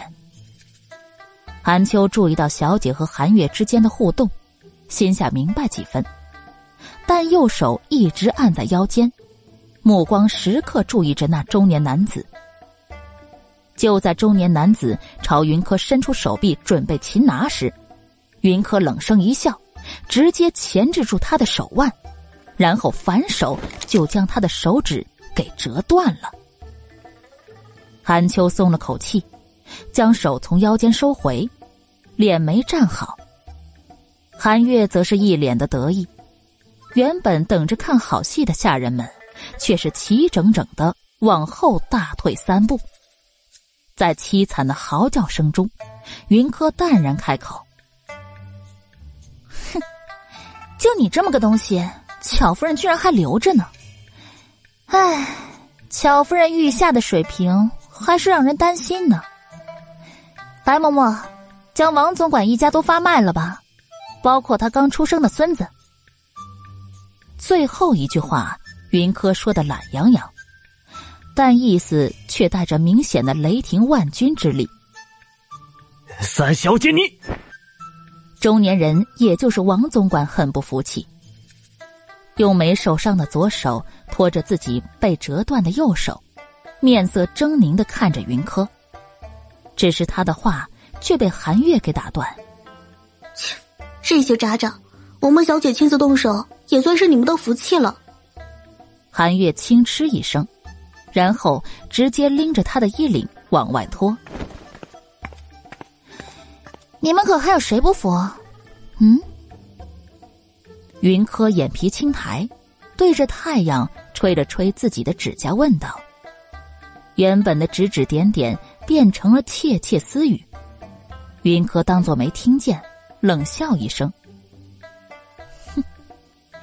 我今天原本也是没打算惩治你们的，但偏偏有不长眼的在。我这出长家，自然需要有得力之人扶持。这新管家，我很快就会任命。你们还有谁不想干了的，我都不会勉强。到白嬷嬷那儿登记就好。监制：君言讲故事。第一百六十五集。云柯话说完，全场安静下来。他们或许不怕云柯的言语，但却害怕云柯的说动手就动手。京城中长大的世家贵女，哪个会动刀动枪啊？哪怕下人不懂事，也会有身边人帮着教训。像云柯这样自己上阵的，还真是绝无仅有。可以说，云柯刚刚的那一下。大大的震慑了三房所有的下人。众人不语，云柯也不急，就这么静静的窝在椅子里，从白嬷嬷手里接过卖身契，一一对应着眼前的那些人。全场安静的，连根针掉在地上都听得见。这时，有个声音响起：“三小姐是三房的嫡女，又是将军府表小姐，我等。”都愿意听三小姐安排。云柯从一叠卖身契里抬起头来，见面前正站着一身形较为单薄的青年男子。他说完话后，便低垂着脑袋，似在等云柯的回复。你叫什么名字？云柯将卖身契递给白嬷嬷，然后好整以暇的看着眼前的出头鸟。奴才叫青松，是厨房里配菜的，愿听三小姐差遣。青松依旧低着头，但话却是十分的头巧。云柯眼神一闪，看来这也是个妙人啊！啊，三房总管这个位置就让你先坐坐吧，具体的该做什么，白嬷嬷会告诉你的。大手一挥，云柯就将此事定下来。云玉睁大了眼睛，表示不敢相信。青松也有些不敢相信，这样的好事竟然会落在自己的头上。小姐，我我可以的吗？这话应该你来告诉我，你可以的吗？云柯信奉用人不疑，疑人不用。眼前的青松，从他进院子的那刻，云柯就发现了不同。他并不跟王总管等人站在一起，而且那些人看向他的目光中，似乎带上了几分不屑。这些便可以说明，这青松平时在厨房甚至三房都不是很受重视的人，但他却能第一时间毛遂自荐。这样的人，对于自己的现状是极为不满意的，而且需要一个时机来改变自己的现状。轻松有所求，他有所失，这样的合作才会长久，也是他所希望的。而且云柯觉得，一个人在逆境中仍然知道自己想要什么，这样的人绝对会是个能堪大用的。云柯的反问让轻松意外，但也让王总管一党的人意外。他们很多人都不明白这样的好运。为什么会落到青松的头上？三小姐，这青松不过是个孤儿，是王总管见他可怜，才把他安插在厨房里帮忙的。如今见王总管落难，他这样迫不及待的出来顶职，可见人品也不咋地。还请三小姐三思。不要将我们三房交在这样一个人的手里呀！就是啊，这小子平时就偷奸耍滑，要让他做我们三房的总管，那日后三房可就真的会没落呀。或许是因为这些威严，云玉也听不进去。他走到云柯面前，皱眉看着云柯，冷声问道：“你要闹到什么时候？你一个女儿家，哪里懂什么管家？”这青松人品不行，又怎么能做三房管家一职？你去将这些卖身契都送还到巧姨娘那里，回锦院里去绣花去。云三爷，我并没有太多的时间跟你废话。三房的事情，要么自己管，要么就不要再插嘴。不然的话，我不介意把之前在锦院里的那些话，当着这些大嘴巴的面重复一遍给你听。第一百六十六集，威胁，这是赤果果的威胁。云玉听得分明，可他却只能握拳，狠狠的瞪眼云柯，然后甩袖离开。他堂堂的读书之人，哪里会管什么后院庶务呢？所以自然不可能替自己揽下这些破事。可他也不想云柯当众提及容带嫁妆的丑事。所以他只得咬牙，不再管谁管家这档子的事情。云玉甩袖离开，青松却是直接往云柯面前一跪：“青松愿听三小姐差遣，小姐有令，万死不辞。”云柯满意的笑了，他要的便是他的忠诚和万死不辞。至于其他人，他会慢慢收拾。那好，所有人都给我听好了，从此刻起，青松便是三房的总管，听命于我本人，也只需听命于我。至于你们其他人嘛，还归那句话，不想干了的可以滚，但是想留下的，就给我好好的干，不然的话，王总管就是你们的下场。是。我们都明白了。所有的下人都恭敬行礼。云柯走出玉巧院，他并不关心会有多少人诚心拥护他，他只要让荣巧得知这么一个结果就成，三房迟早得掌控在他的手里。韩月跟上云柯的脚步，在他耳边轻声说道：“小姐，他们似乎对青松任总管一事很不服气，轻松他管得过来吗？” 这就是他要操心的事情了。如果连这些人都搞不定，那他这个总管不做也罢。云柯轻笑，他需要的绝不仅仅是一个总管，而是一个可以替他守好大本营后方的同盟者。轻松目前还不合格，但聪明的人都会让自己更合格的。他会给轻松一些时间。啊，嗯。白嬷嬷，你留下来跟荣巧核对账目清单，我先回锦院了。不用想也知道，现在的荣巧是什么样的嘴脸。云柯觉得自己现在没那么耐心跟荣巧瞎逼逼，倒不如回锦院休息休息。白嬷嬷也不多话，停下脚步，又回到玉巧院。傍晚时分。白嬷嬷从玉巧院回到锦院，手里拿着一大把的东西。小姐，那些珍贵物件老奴已经存放在锦院的库房了。这里是戴尔小姐嫁妆里店面铺子的房契地契。云柯接过房契地契，慢慢的翻看着，丝毫不怀疑当年娘亲出嫁时将军府的用心。荣巧可有将账本交付于你？巧夫人说，那些铺子都不盈利。要不是她用自己的嫁妆铺子盈利贴进去，戴尔小姐的那些铺子，可能是就关门了。云柯轻嗤一声：“荣巧是不是把所有人都当傻子了？他娘亲的铺子都是当街旺铺。”而且经营的也都是赚钱的买卖，又怎么可能亏本呢？啊，嫁妆清单上的东西可都要回来了？云柯又问，白嬷嬷摇了摇头，还差好大一截呢。我们明日去街上走一圈，看看娘亲的那些铺子，如今都是何人在经营？好，至于清账上缺失的部分。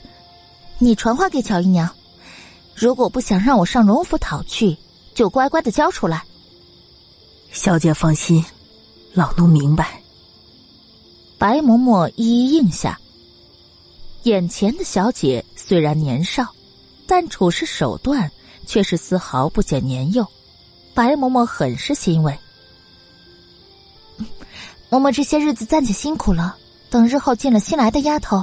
嬷嬷看着带一两个顺眼的，将来也算是有个依靠。白嬷嬷这些年一直未婚，家里也早就没什么人了。云柯的意思是让她带一两个丫头放身边调教，收个干女儿什么的，日后也能老有所养。不是。第一百六十七集。多谢小姐，老奴还想看着小姐出阁，日后再替小姐带孩子呢。白嬷嬷为云柯的话感动着，能再得主子看重，他已经很欣慰了，又哪里还敢奢望老有所养呢？也罢，你若不愿意收干女儿，便一直留在我身边吧，日后我为嬷嬷养老。小姐，老奴。白嬷嬷激动的老泪纵横，年仅十二岁的主子说出这样的话来，她如何能不感动呢？我只愿你们都好好的变好。云柯微笑着，没有再多说，但白嬷嬷和寒秋姐妹，却似乎在她身上看到了一种名为莫名的感情。新的一天到来。云柯带着韩秋、韩月出门，他要去娘亲的那几个铺子查看一下。他了解荣巧的为人，他既然敢说娘亲铺子亏损，那便肯定提前做了准备，或者说已有相关前兆。这样的情况下，他只能亲自去看看，才能放心。德芳斋，在京城最出名的朱雀大街上，当街而立，地段极好，卖的是女子喜爱的饰品。可云柯去的时候，却发现铺子里的客人寥寥无几。德芳斋对面的脂粉楼，却是人流爆满。云柯带着韩月进入到脂粉楼，见楼里伙计忙得脚不沾地。见云柯进来，那伙计当即热情的上前来招呼。韩秋示意伙计先忙别的客人，他们随便看看。那伙计倒也不恼，更没有神色异样，爽快的说了句：“嘿嘿，得嘞，那您先看着，有需要尽管吩咐我。”便又去招呼刚进门的人。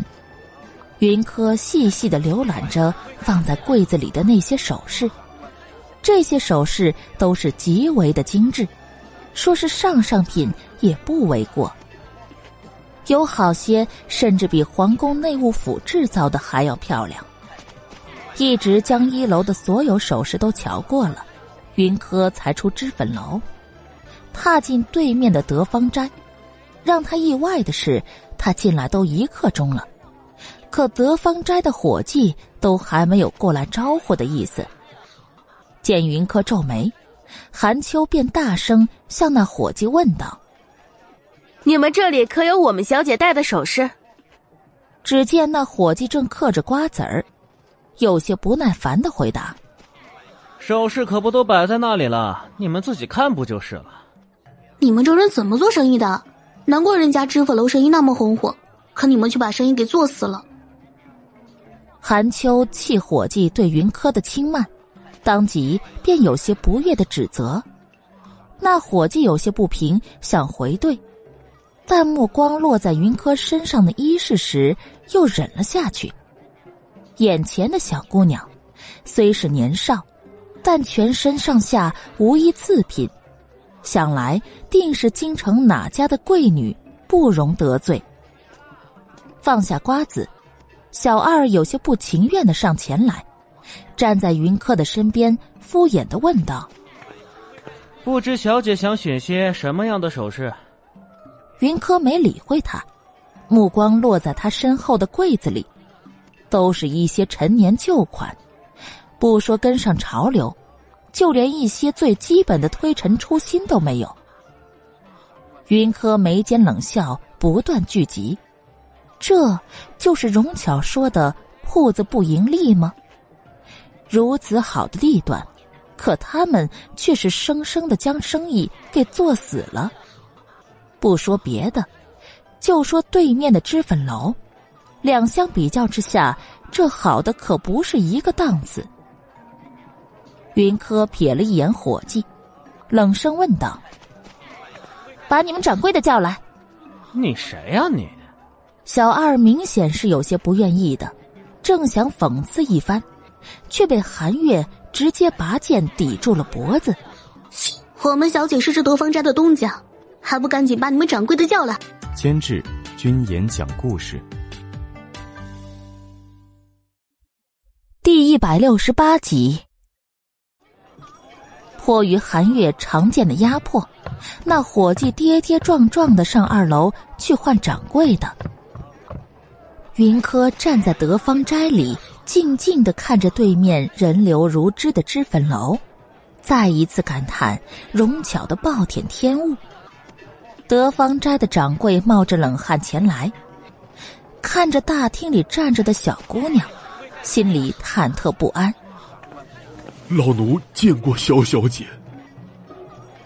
这铺子本就是荣代的嫁妆，选用的人也都是当年将军府里出来的老人。见到云柯称呼一声“小小姐”，也实属应当。云柯回头，静静的看着那掌柜的，不说话，就这么静静的看着。那掌柜的被他看得心慌，双腿一软，直接跪在云柯的面前。哎呦，老奴没有照看好小姐的铺子，老奴有愧，请小小姐责罚。唉，这其中发生了什么事？你一块告诉我吧。云柯轻叹一声，眼前的老人脚步蹒跚，却依旧坚守在这德芳斋里。若不是因为对主人有感情，也做不到这番。唉，德芳斋原本是很赚钱的，可后来巧夫人将德纺斋用于周转的钱银给全部抽走，又将原本的能工巧匠也调走。慢慢的，德纺斋便连工人的工资也付不出来了，更别提新进的原材料。和请工人打造新首饰了。啊！你们就没有想过去将军府说明情况吗？可巧夫人是老夫人身边长大的，与小姐当年也是姐妹情深。我们终究是外人，有几次老奴去了将军府，都被二房的人拦下了。老奴，哎呦！老掌柜的心里愧疚不已，但这些年他并不是什么都没做，只是这其中的缘由错综复杂，他一个外人又如何能左右事情发展呢？云柯敛眉，老掌柜说的这些是真是假，他一听就明了。彻底的打量了一下德芳斋，前世里。德芳斋是直接关门大吉了的，当时他不懂，荣巧说德芳斋经营不下去了，只得关门，然后将铺子租了出去，这也是后来他出阁时融巧的理由之一。娘亲的嫁妆铺子所剩无几，那你可知对面脂粉楼的东家是何人？不知啊，这脂粉楼。是半年前突然兴起的，听说脂粉楼里有玉大师坐镇，京城里的人都以拥有玉大师制造的首饰为荣，这也是脂粉楼生意如此火爆的原因之一呀。老掌柜说起对面的脂粉楼，也是唏嘘不已。云柯听到玉大师的名号，却是直接皱起了眉头。有玉大师坐镇。再加上伙计们给人宾至如归的服务，这样的铺子又如何不火？有了脂粉楼的对比，德芳斋的冷清和落后就显得更为明显，生意自然也就更加的差劲了。老掌柜，将德芳斋关了吧。呃，萧小姐，这怎么行呢？这可是小姐当年的嫁妆啊！老掌柜的显然被惊到了，他在这德芳斋里数十个年头了，这要他突然将铺子关掉，他心有不舍。唉，有了脂粉楼的珠玉在前，德芳斋只是陪衬而已，先关几天吧，等我仔细想想以后再看开门做什么吧。老掌柜听明白，知道不是永久的关门。顿时便放下心来，跟云柯说自己会在德芳斋守着，等他的下一步指令。您放心吧，我不会让德芳斋就这么消失的。娘亲已经不在了，但娘亲的东西他会一一守护好。有脂粉楼这样的火爆生意在前，德芳斋想再做首饰。要么就请一个比玉大师更出名的人来坐镇，要么就改行。走出德芳斋的大门，云柯进第一百六十九集。阳光明媚的街头，着浅粉衣裳的小姑娘站在脂粉楼前，一脸认真的告诉伙计：“我想见玉大师，还请小哥通传。”哎 哎呦，小姑娘，你若是喜欢我们家的首饰啊，直接买回家就是了。我们这儿所有的首饰都是玉大师亲自设计打造的，你根本不用见玉大师本人的。伙计好言相劝，可小姑娘压根就不听，执意要见玉大师。伙计似乎也被他缠得有些没办法，最后大声说了句：“我们这里这么多人要见玉大师，要是每个我都给通传了，那玉大师岂不是会忙死？”只听小姑娘拔高声调，淡淡的说了句：“我今天非见玉大师不可，就凭七巧玲珑灯在我手里。”伙计一愣。确认云柯并不像是在说笑后，便上了二楼去通报。穿浅粉色衣裳的小姑娘，也就是云柯，她看着伙计离开的背影，手指暗暗掐动着，眉间淡淡有几分玉色。此时，脂粉楼二楼，一紫一蓝两道身影正相对而坐。两人中间小机上摆放着最上等的茶具，壶中开水沸腾，蓝衣男子正净手准备煮茶。大师啊，门外有一女子求见。不见。蓝衣男子头也不抬的回答。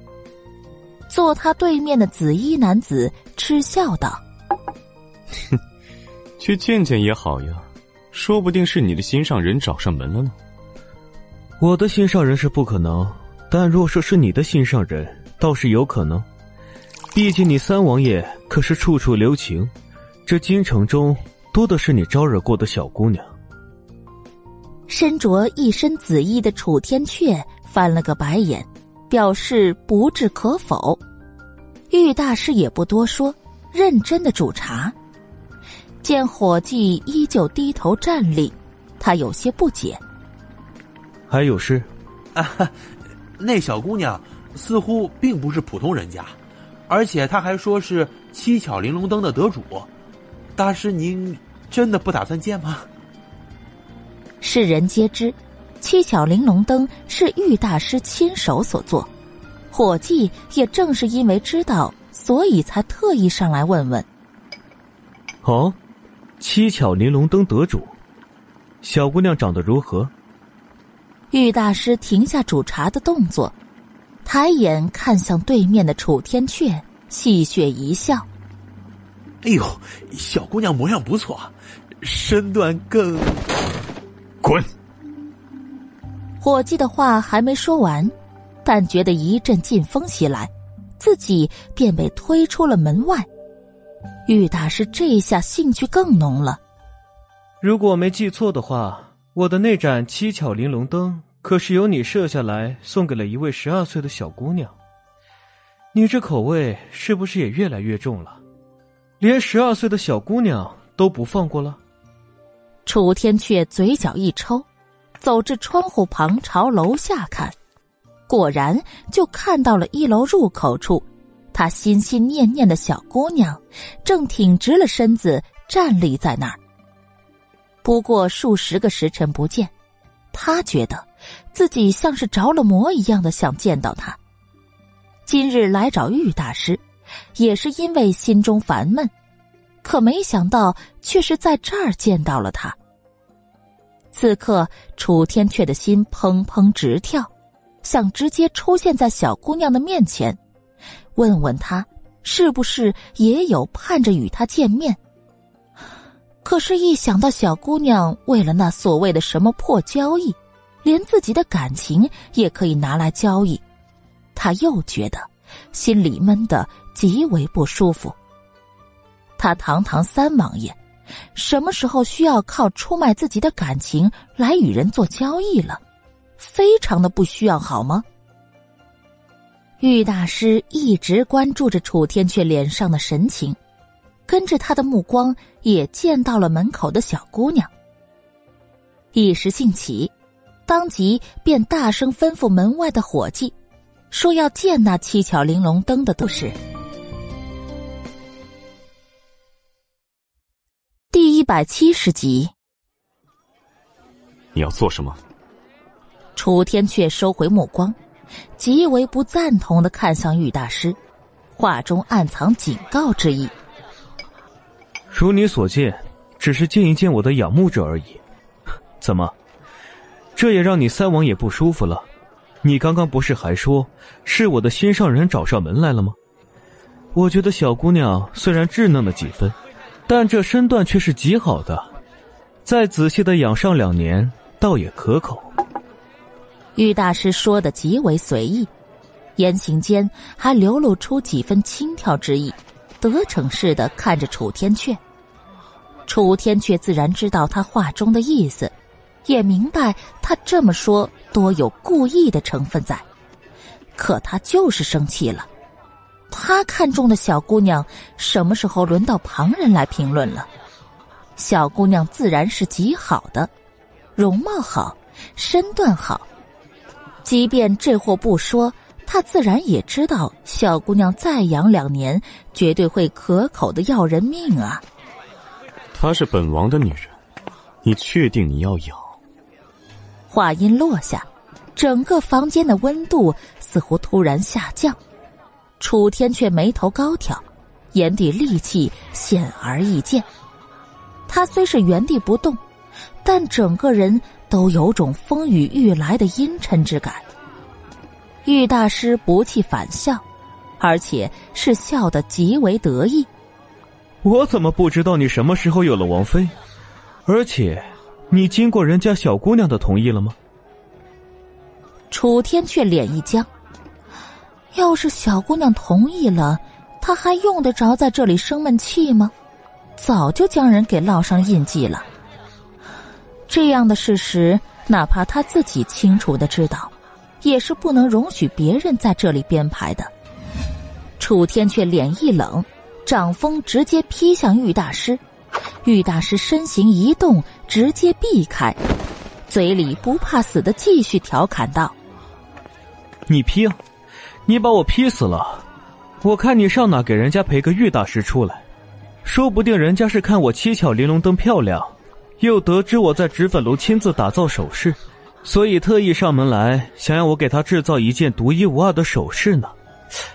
哎呀，我还从来没有给小姑娘送过首饰呢。你说这首饰是不是有些不同寻常的意义在呢？小姑娘收到我的首饰，会不会特别的高兴呢？玉无双，你是不是觉得本王不能拿你怎么样？楚天却阴沉的看着玉大师，嘴里的话更是如同一道飓风一般逼向了玉大师。你当然可以拿我怎么样，要不你跟我一同去见你的这位小姑娘如何？让她比较一下，我们谁更优秀？门外脚步声响起，玉无双特意压低了声音，但楚天却内功深厚，自然是听得清楚。不但是听得清楚，更是将玉无双脸上那明显戏谑的笑容给收在眼底。他并不害怕见到小姑娘，他只是不想在这样的情况下见到她，而且还是有玉无双这货在的情况下跟小姑娘见面，他很不爽。见他这样，玉无双更得意了。既然不想跟我一起见小姑娘。那就对我好点，这样的话，或许我还能听你在小姑娘面前说上几句漂亮话。虽然你并没有什么好话可以让人说。玉无双威胁的太过光明正大，谁让这样的机会难得呢？平日里这货可是一个劲的威胁别人，哪里会有机会让别人威胁他呀？听着门外的脚步声越来越近。楚天却清楚的知道，门外来的就是他的小姑娘，狠狠的瞪了玉无双一眼，低声警告了一句：“给我好好说话，不管他说什么要求，你都应下。要是惹他不开心，看我怎么收拾你。”玉大师可在？门外云客的声音响起，玉无双朝楚天阙诡异一笑。直接将楚天阙给推入隔间，再将隔间的门直接砰的关上了。请进。监制君言讲故事，第一百七十一集。云柯刚好走到门口，就见房门主动打开，云柯心头防备心起，站在门口不愿意再往里走一步，朗声道：“定国侯府云柯见过玉大师。”玉无双扫了一眼隔间的位置，脸上的笑容更甚。云三小姐，请进。见云柯不愿意进来，他也不着急。只见门口的小姑娘，今日着一身浅粉色锦裙，裙子的装饰并不繁复，只是胸前和腰间做了些许的装饰。可正因为着重点的选取，让她胸前的美景和盈盈不足一握的腰更显突出了。稚气未脱的小脸上，满是这个年龄所特有的娇憨。饶是玉无双也不得不感叹：他虽然见过各路美人，但还从未见过像云柯这样，清纯中带着些许的娇媚，妖娆着又透露纯粹的女子。也难怪隔间里的那个魔王会明目张胆的宣告主权，这也幸亏是小姑娘年纪小，这要是再大上几岁，哪还了得？到时候，只怕定国侯府的门槛都会被踩破吧。想到这里，玉无双就觉得心情非常的好。但凡能让隔间里的那个妖孽吃亏的事情，他都乐意去做。这么想着，再看向云柯的目光就多了几分殷切。玉无双在打量云柯的同时，云柯也没停止打量他。原本云柯以为世人皆称玉大师，定是个上了年纪的老人，这样才更符合大师的称呼嘛。不过万万没想到的是，所谓的玉大师非但不老，反而是一个娃娃脸的少年。啊，今日冒昧上门拜访，只因有一事相求。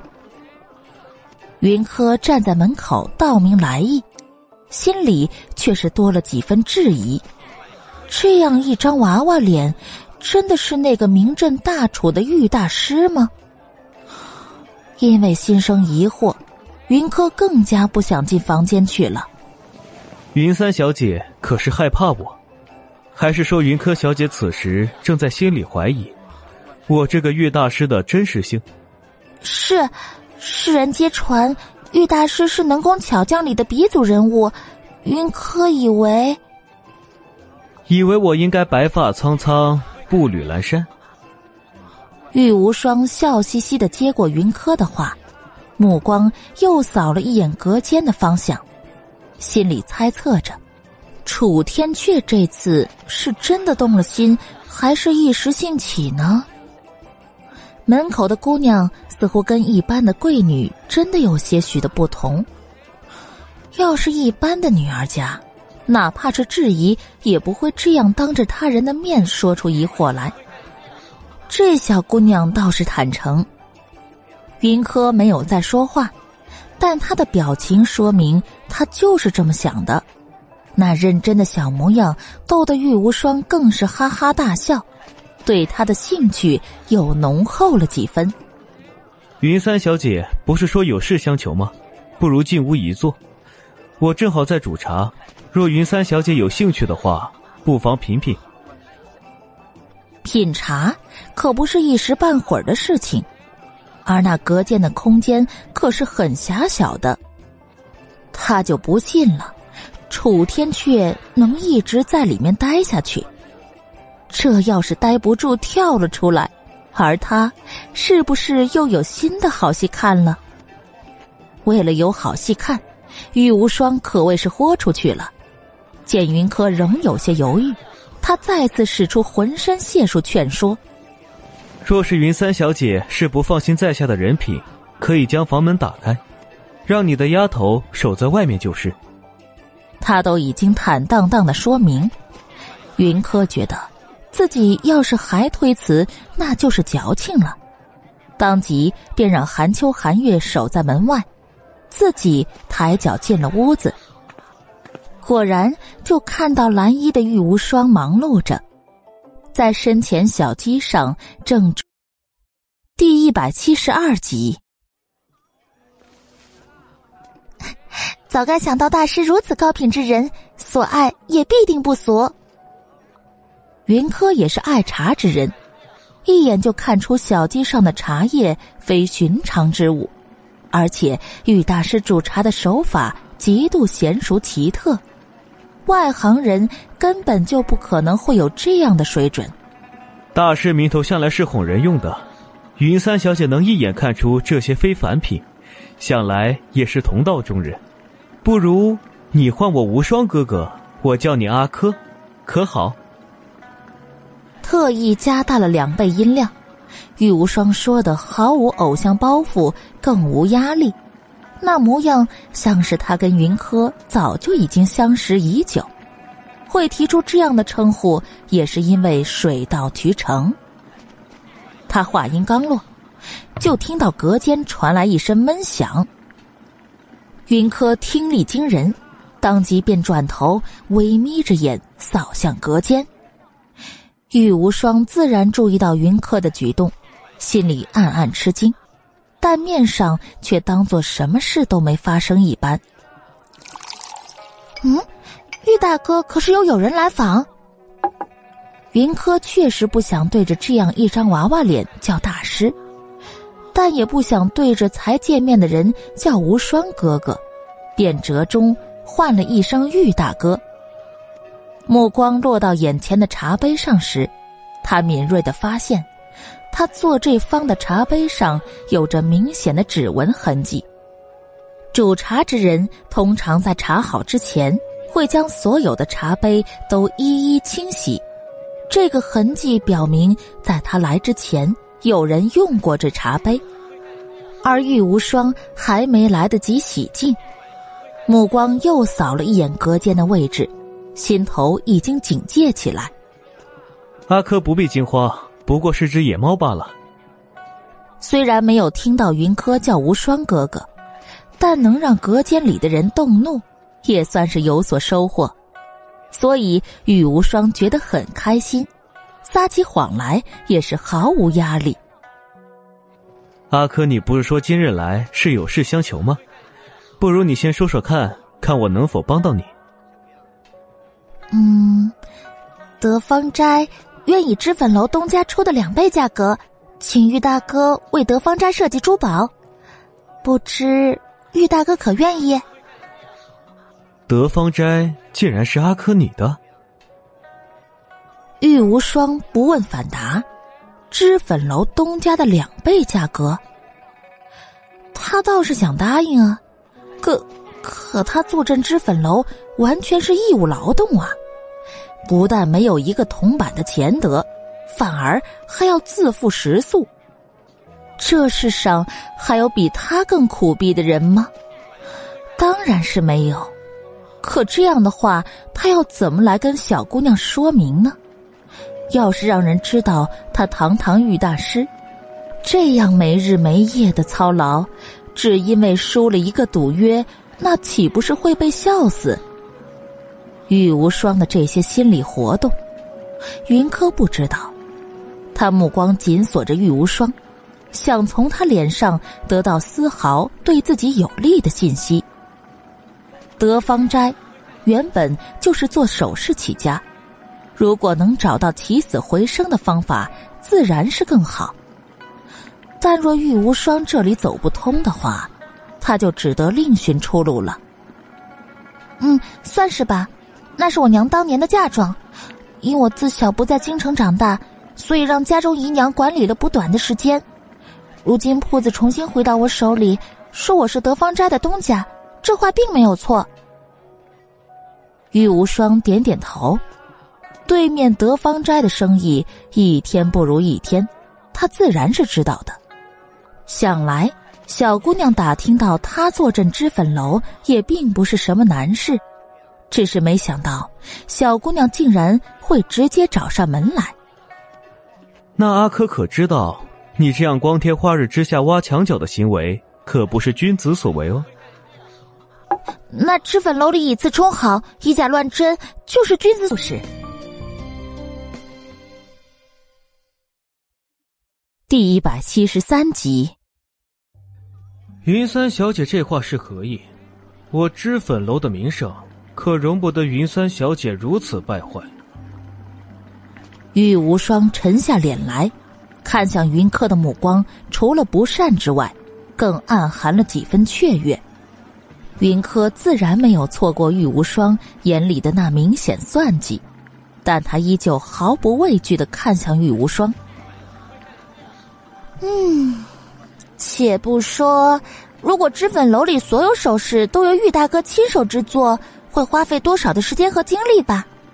就单说脂粉楼里那些稍稍低端的首饰的定价，恐怕连边角材料钱都是不够的吧？你说，如果让那些钟爱脂粉楼的贵女们知道，脂粉楼里只有少量的才是玉大师亲手制造的，其他的不过是滥竽充数罢了，你说他们会如何想呢？云柯浅笑盈盈，可话里的锋利却是怎么也遮掩不住的。玉无双轻轻呵笑。他倒是没想到小姑娘会如此的眼尖。正如他所说，他并不是勤快之人，会出现在脂粉楼只是为了完成赌约罢了。可这，并不代表着他就要没日没夜的为那些无聊的女人做首饰。所以，自然是意思性的做了几个比较显眼的，定了吓死人的价格后。便让楼里其他的工匠来制造了，只不过卖出去的价格依旧是以他的身份来定的。这些，就连楼里的伙计和掌柜的都不知道。可是眼前的小姑娘却是初见就窥破了先机，玉无双不得不重新审视眼前的小姑娘。只见她稚嫩的小脸上。有着太多这个年龄所没有的成熟和睿智，眼里的算计也是毫不遮掩。这样的小姑娘的确是很有趣呢。玉无双不由得来了兴趣。要我做这你德芳斋也不是不可能，我甚至可以配合你们德芳斋的宣传，帮你们德芳斋重回到京城上流社会。但我有个条件，如果你能答应。那我也就能答应你的要求。什么条件？请说。那就是请阿珂做首饰的初配之人。所谓初配，便是我每做一件新首饰，阿珂便是第一个佩戴者。如何？玉无双笑得很是亲切，话里话外看似并无不妥。云柯觉得这并不是什么难事，正想开口答应。却听到一声巨响，隔间的门被人从里面用内力震开，然后云柯就看到了一脸怒气的楚天阙从隔间里走了出来。见到楚天阙出来，玉无双反而是凑近云柯面前追问道：“如何？阿珂可要答应？这可是一本万利的买卖，你答应了，绝对不会亏本的。”玉无双，不想被本王丢去南疆的话，就老实点闭嘴。楚天却直接上前，将玉无双给一把拎起扔了出去，像天神一般站在云柯的面前。不许你答应他做什么出配之人。你若想要铺子，本王将这脂粉楼送你就是了。因为心里不爽，楚天却脸上写满了我不开心。云柯皱眉往后退。对于楚天阙这样一言不合送铺子的行为，很是不解。他并不认为自己与他有相熟到这样的地步。可他退，楚天阙就进，直到他被逼到墙壁上，退无可退。本王说的话，你可有听见？不许你答应他做初配之人。为何？云柯不喜他这咄咄逼人的模样，有些倔强的反问道：“本王说不许就是不许，你有那份心思就好好考虑，什么时候同意做本王的王妃？”小柯，与其做他这花心大萝卜的王妃，不如做本大师的初配之人，保证让你幸福到老。像是跟楚天阙作对一般，玉无双在门边大声的叫着。这下，云柯再傻也明白了几分初配者的真正含。监制：君言讲故事。第一百七十四集。目光在玉无双和楚天阙之间扫了一眼，而后便冷下脸来。原来脂粉楼的东家是三王爷楚天阙。也难怪可以开得如此红火了。云柯觉得，自己今日来找玉无双是一件蠢事，他又如何出得起三王爷双倍的价钱呢？这样的认知让云柯心情有些低落，也难得的没有跟楚天阙斗嘴，而是转身就准备离开。本王将脂粉楼送你。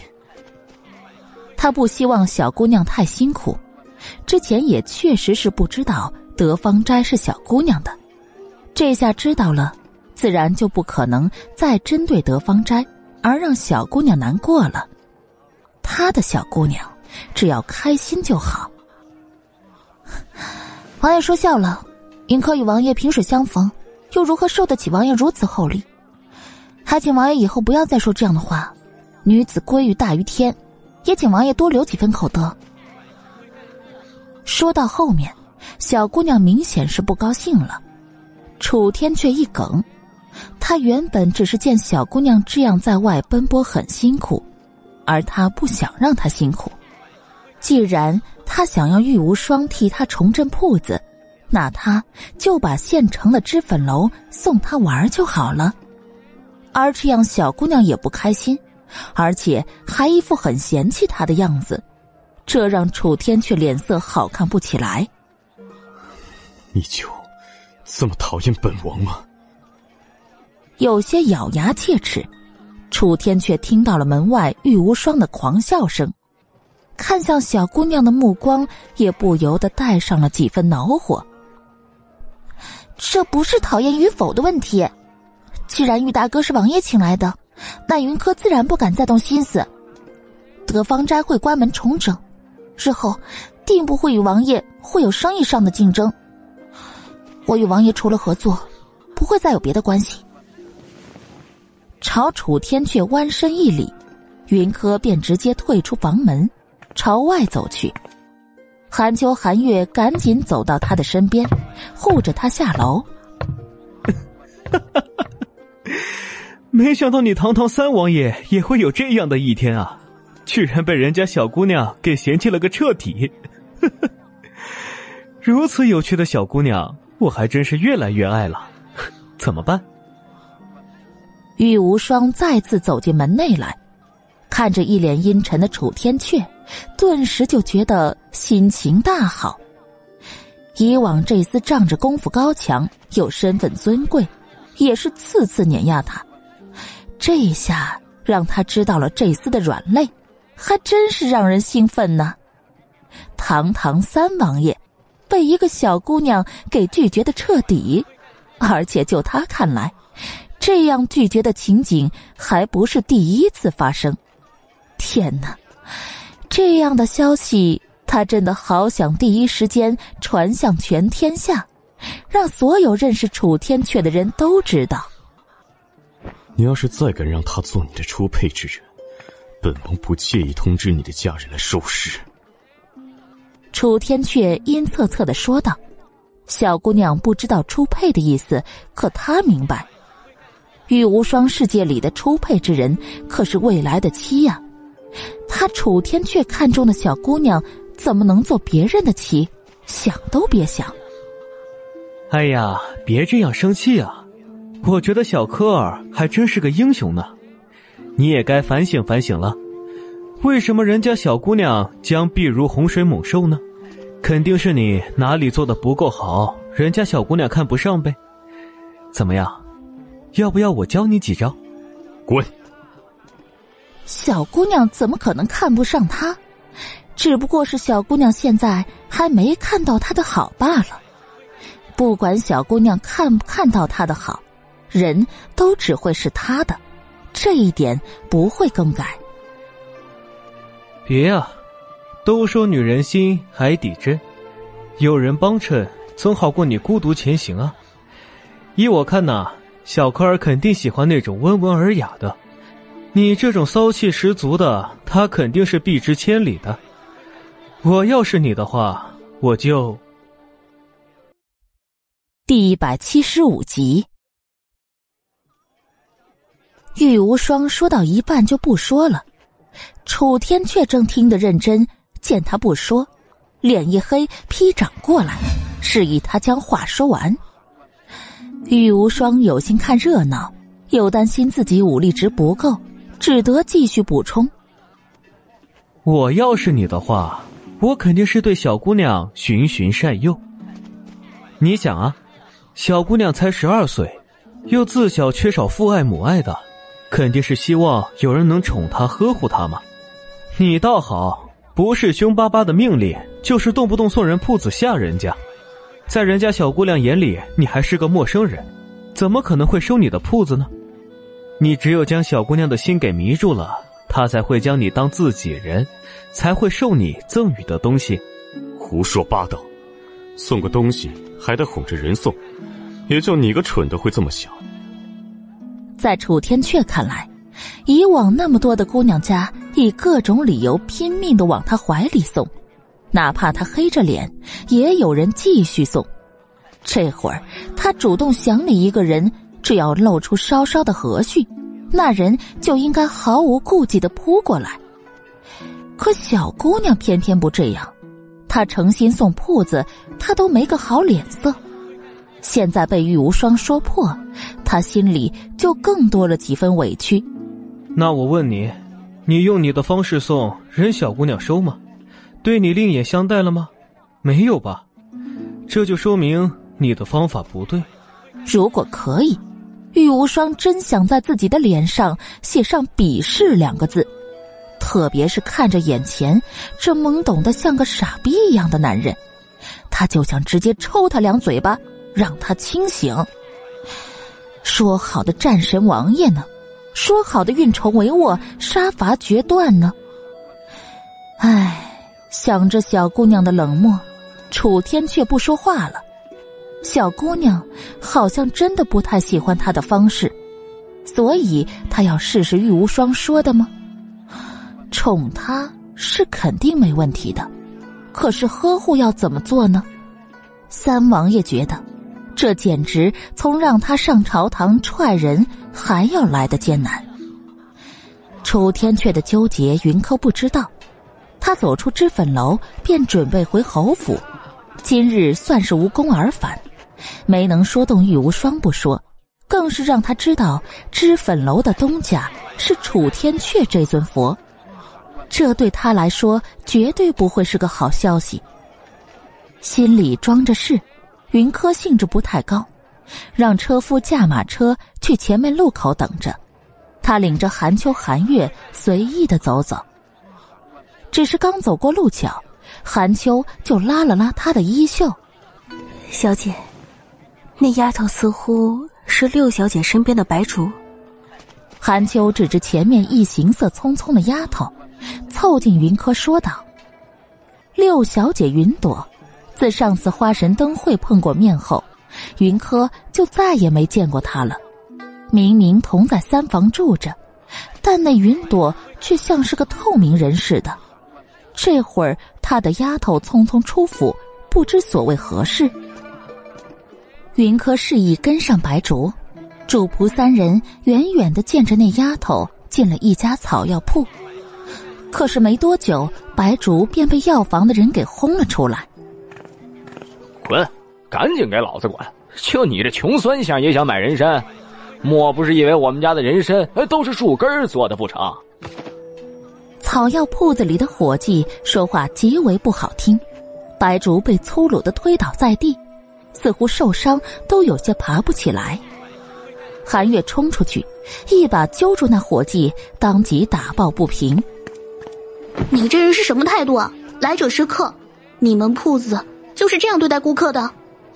突然被人揪住，那伙计很是不悦，正想发火呢，转头看到韩月身上的料子，立马变了张脸：“哎呦，这位姑娘，真不怪我是态度不好。”这丫头不知道从哪儿冒出来的，拿着几个铜板就想来买人参。那人参可不是树根儿，哪能几个铜板的就能买到？不是。第一百七十六集，他要买人参。云柯带着韩秋慢慢走来，正好听到伙计说的话，有些不明白。为何白竹要买人参呢？而且还要到府外的草药铺子来？三小姐，那丫头倒也是个机灵的，见到云柯便赶紧往前移动了两步，话未说出口，眼泪却已经掉落了一地。发生什么事了？街角僻静处，云柯淡然开口问白竹道。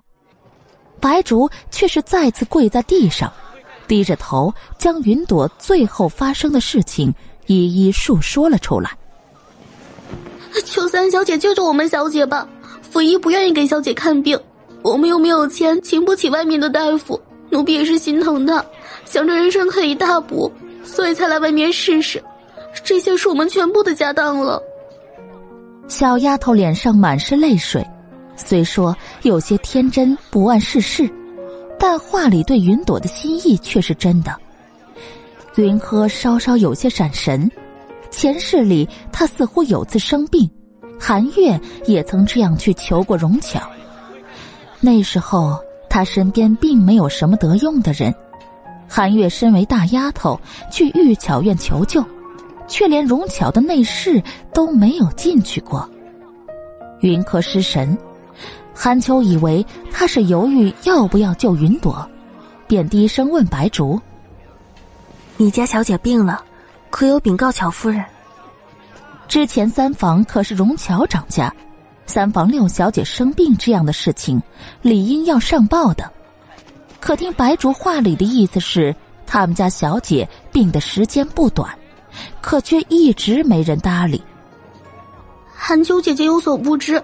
乔夫人说：“我们六小姐不过是个烧钱的铜钱罐子，明明是庶女之身，却妄想嫡女的待遇。在小姐刚病时，我就去乔医院求过，可乔夫人就是不让府医给我们小姐看病。若不是一拖再拖，我们小姐也不至于病入膏肓。三小姐，求求你救救我们小姐吧！”白竹年纪并不大，也不知道如今三房是在云柯的掌管之下。只知道小姐病了，而三小姐身为嫡女，肯定是有这个能力救她的。云柯回过神来，要韩秋、韩月带上白竹，然后一起回定国侯府。三房子嗣本就不丰，云商被送到庄子上，整个三房也就他和云朵两个孩子了。对于云朵，他了解的不多，但也知道荣巧为了衬托云商。连他这个嫡女都敢压制，又怎么可能会让云朵好过呢？他对云朵并没有血海深仇，所以也不会故意打压她。上次灯会上的一面之缘，他并不讨厌那个妹妹。一行人回到侯府，云柯直接跟着白竹去了云朵的院子。虽然早就有了心理准备。但是看到云朵和他姨娘所住的杂院时，还是有些心寒的。不说连个院名都没有，小而破的院子里连个像样的门都没有，就像是山间的茅草屋一般，完全被人隔离在定国侯府之外了。云柯眼睛有些发酸，荣巧还真是无时不处不展现她的优越性呢。听到院子里有响动，房间里走出一妇人来。白主可是请到大夫了？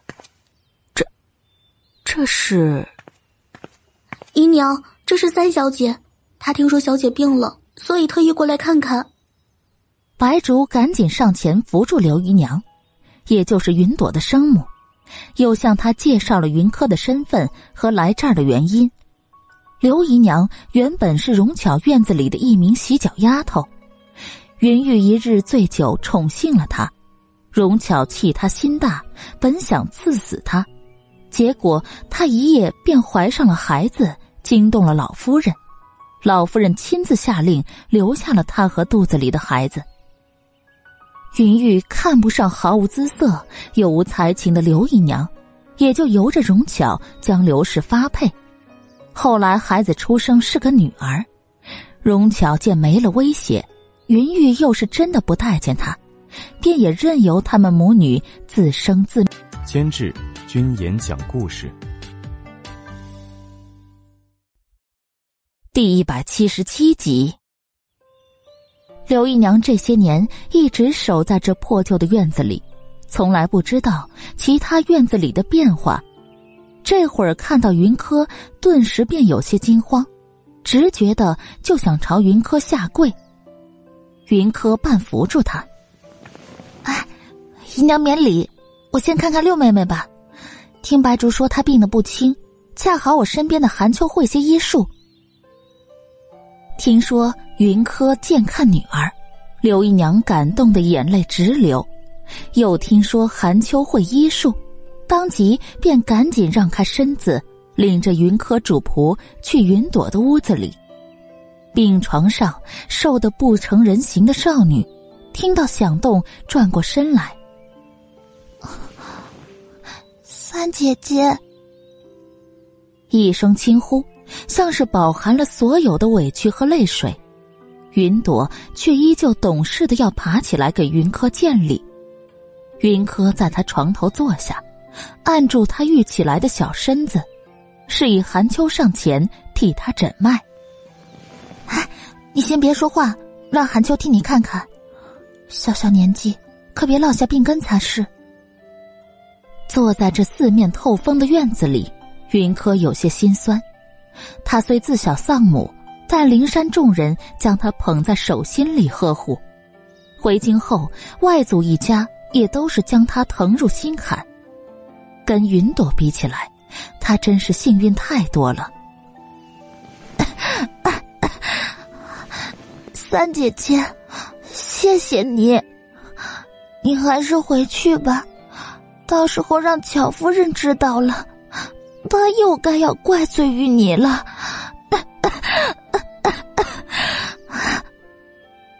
云朵年纪小，却也是个心思剔透的。那日花神灯会，云商针对三姐姐的事情，他一直记得。这些日子生病，一直没有出门，不知道府里发生的事情，但也知道三姐姐此时来看自己，肯定是容巧所不能容忍的。他喜欢三姐姐，所以并不希望三姐姐受到任何的伤害。放心吧，他现在伤不了我。感动于云朵的担心和维护，云柯心里暖暖的。这也算是定国侯府唯一一个真心关心他的人了吧？这样的关心太难得了，云柯觉得他应该好好的保护才是。云朵不明白“伤不了”是什么意思，但见三姐姐笑得一脸温和，她就觉得全身似乎都不痛了，任由云柯握着他的手，然后傻傻的看着云柯直笑。小姐，六小姐原本只是风寒入体，说当时吃几副药便能无事的，只是如今拖的时间有些久了，风寒入肺。便有些麻烦了。嗯，你赶紧给六小姐开方子，需要什么药去库房里拿。师傅送我的那些药材，若有用得上的，也尽管拿了去。好的，奴婢明白了。韩秋示意白竹拿笔墨纸砚来，让他写方子。可是白竹却是涨红了脸，最后嗫嚅的来了句：“要不韩秋姐姐，你绣我衣服上吧。”韩秋一愣，云柯和韩月都是一愣，刘姨娘觉得有些尴尬，担心自己母女两个的窘迫境况会让云柯看低，当即便出了打圆场。让三小姐见笑了，笔墨纸砚，巧夫人都有送来的，只是，只只是，只是前不久才让奴婢给弄湿了，奴婢该死。白竹一脸的着急。既担心实话实说会让小姐看不起，又不想让姨娘背了这不白之冤，那模样十分的慌乱。云柯轻易就看明白了，抬头又扫了云朵的房间一眼，轻叹一声：“唉，屋子里连张像样的桌子都没有，又怎么可能会有笔墨纸砚呢？”韩月。你现在带人将景院东面的那个小院子收拾出来，以后六小姐就住那儿了，名字就叫，就叫朵院吧。啊，三姐姐，我住在这儿挺好的，你不用为了我得罪巧夫人的。云朵很开心能有新院子住，但又担心这样会激起三姐姐与荣巧之间的矛盾。云柯伸手摸了摸她的头，轻声说道：“唉，韩秋说你邪体入肺，这可得好好休养，不然日后影响嫁人，可如何是好呢？至于院子的事情，你不用担心的。如今三房可是你三姐姐掌管中馈，这点子的权利还是有的，你们就安心的住过去吧。”第一百七十八集。以后三房都有三姐姐你做主了吗？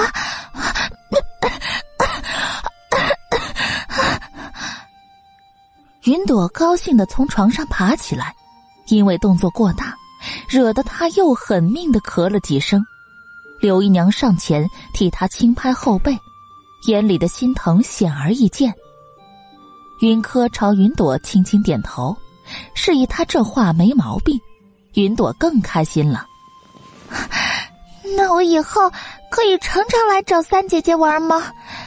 我想跟三姐姐一样的优秀。孩子气十足的话，让云柯轻笑出声。三房有我做主，就算是优秀了吗？当然不是。从花神灯会回来，我就觉得三姐姐很优秀。世人都说三王爷桀骜霸道。六王爷风光霁月，都是人中龙凤。整个京城的人都渴望见到两位王爷，为了见王爷一面，连命都可以不要。可是三姐姐在二位王爷面前，却依旧冷静自持，掌握主场。我觉得三姐姐老厉害了。云朵的话看起来思维有些混乱，但云柯却是听明白了。不过也正因为听明白了，所以不得不对眼前的小女孩有些刮目相看。刘姨娘一看就是个老实的，但这云朵却是个有主见的，而且话里也有不少的心意。云柯觉得甚是有趣。哈哈，唉。就因为这样，你就觉得我老厉害了？那当然，二位王爷优秀，这是事实。但谁说我们女儿家就一定要围着他们转呢？是吧？我觉得三姐姐就真的很厉害，男色立于前，还能谈笑而生，真的是很棒呢。你这孩子说的什么话呀？还不赶紧向三小姐道歉！小小年纪知道什么是男色，这要是传出去，以后你就别想嫁人了。见云朵说话如此不忌讳，刘姨娘急得直皱眉，那模样大有按住云朵的头向云柯道歉的架势。云朵朝云柯眨了眨眼，然后又拼命的咳了两声，刘姨娘就急着给他拍背，也不再念叨了。云柯看得直发笑，要不是韩秋亲自把脉，他都有些怀疑这丫头到底有没有生病。刘姨娘不必介怀，姐妹间说话就该随意些的。云柯浅笑着回应了云朵的眨眼，算是没有揭穿他。云朵笑得更灿烂了，见云柯没有生气，刘姨娘长长的吁了口气，那小心翼翼的模样让云朵红了眼睛。三姐姐，谢谢你，我姨娘她。没有人比云朵更清楚他们娘俩过去过的是什么日子，更别说换新院子，就连吃食也都是吃了上餐愁下餐的。月银经常是被扣一大半，如今三姐姐的友爱让他觉得过去的日子都白活了，现在的新生活让他对未来充满了希望。不用谢我，热爱生活的孩子都应该被善待。云柯浅浅而笑，这话是他重生以来最想说的话，可一直没合适的人听他来说。今天总算是说了出来，他心里也是突然一松。云柯在云朵这里小坐了一会儿，直到韩月来说朵院已经收拾好了，云柯便吩咐韩秋、韩月帮着白竹收拾云朵娘俩的东西，又亲眼看着他们娘俩安心入住朵院，才终于是放下心来。走在回锦院的路上，韩月问云柯。小姐，你是因为可怜六小姐才帮他们母女的吗？不，云朵并不可怜，刘姨娘很爱她。这样的爱轻易就能让人羡慕。云柯甚至觉得，云朵除了没有好的物质条件，其他刘姨娘能给她的都已经给了的。他愿意帮云朵，除了圆自己前世的一个梦外。更多的是因为云朵给他的好感，他云柯骨子里也是渴望亲情的。故事第一百七十九集，云柯回到锦院，尚未来得及入座，便见张嬷嬷进来，说是老夫人有请。韩秋浅笑着上前，塞给张嬷嬷一个小荷包。不知老夫人这个时候找我们小姐所为何事？三小姐别担心，如今三房劳烦三小姐打理，老夫人担心三小姐累着，恰好听人说起三小姐给六小姐母女二人换了院子，便想问问三小姐可有需要理顺的地方而已。张嬷嬷，请放心，我们小姐换套衣服就马上去给老夫人请安。张嬷嬷点点头，将韩秋给的荷包塞入袖口里，然后转身离去。小姐，张嬷嬷的话是什么意思？是说老夫人对你将六小姐母女两个移到朵院的事情很不满意吗？韩月不喜事事思考，遇上不明白的问题，通常是直接问云柯。此刻福寿堂里肯定还有长舌妇在，老夫人做事向来图圆满。将云朵母女移到朵院一事，她不会表现在表面上，但借机敲打一下，却还是可以的。那我们不如不去了吧？谁知道老夫人等一下会不会说些难听的话来气你？韩月嘟着嘴，很不满意。云柯却是轻笑一声，点了点他的额头。一会儿你就留在锦院里，韩秋陪我去福寿堂。你家小姐会是那种任人数落的人吗？兵来将挡，水来土掩，吃亏的还不知道是谁呢。韩月偏着脑袋想了想，感觉小姐说的没毛病，倒也不再埋怨，乖巧的进了云柯的内室，替他挑选衣物，然后由着韩秋陪着云柯去了福寿堂。云柯到时，数日未见的云芝正陪着老夫人说话。见到云柯来，便当即起身，走到云柯的面前，将他亲昵的拉过。哇，我就说我们京城的水土养人吧，老夫人您看，我们三妹妹回京后出落的可是更加水灵了呢。云芝拉着云柯的手，站在老夫人面前，嘴里夸赞的话像是不要钱似的往外冒。云柯眉头轻挑，这云芝莫不是也换了心？不过做戏谁不会呢？特别是这么明显刷存在的场合，可不是吗？我也觉得京城的水土更养人，不然怎么能养出秦大小姐和大姐姐这样才艺双绝的人呢？听说秦大小姐马上就要入宫成为六王妃了呢，大姐姐你与秦大小姐交好，到时候可别忘了为她添妆哦。比扎心，谁不会？他不确定。云芝是不是对楚逸轩动了心思？但明白女人之间的攀比战从来都不会熄灭的。云芝与秦如之间也不可能真的和平。果然，云柯的话刚说完，就见云芝眉头高蹙，不悦明显是一闪而过。老夫人静看着眼前的两个孙女过招，半晌才开口说道。秦家的地位非比寻常，如果秦如真能嫁给六王爷，那于六王爷来说如虎添翼。可不是吗？秦大小姐跟大姐姐并称京城双姝，才华容貌自是不在话下，与六王爷也确实是天作之合。云柯笑得不谙世事，心里却是补充了一句：“哼。”岂止是天作之合，完全就是一丘之貉。哼！哎呀，三妹妹，老夫人叫你来，可不是让你来讨论六王爷和秦姐姐的事情的。云芝心中暗恨，但面上依旧笑得灿烂，也算是提醒老夫人，可别忘了跟云柯算账。云柯将他的算计看得分明，转头故作天真的问老夫人。科儿见过祖母，不知祖母叫科儿来所为何事？监制：君言讲故事，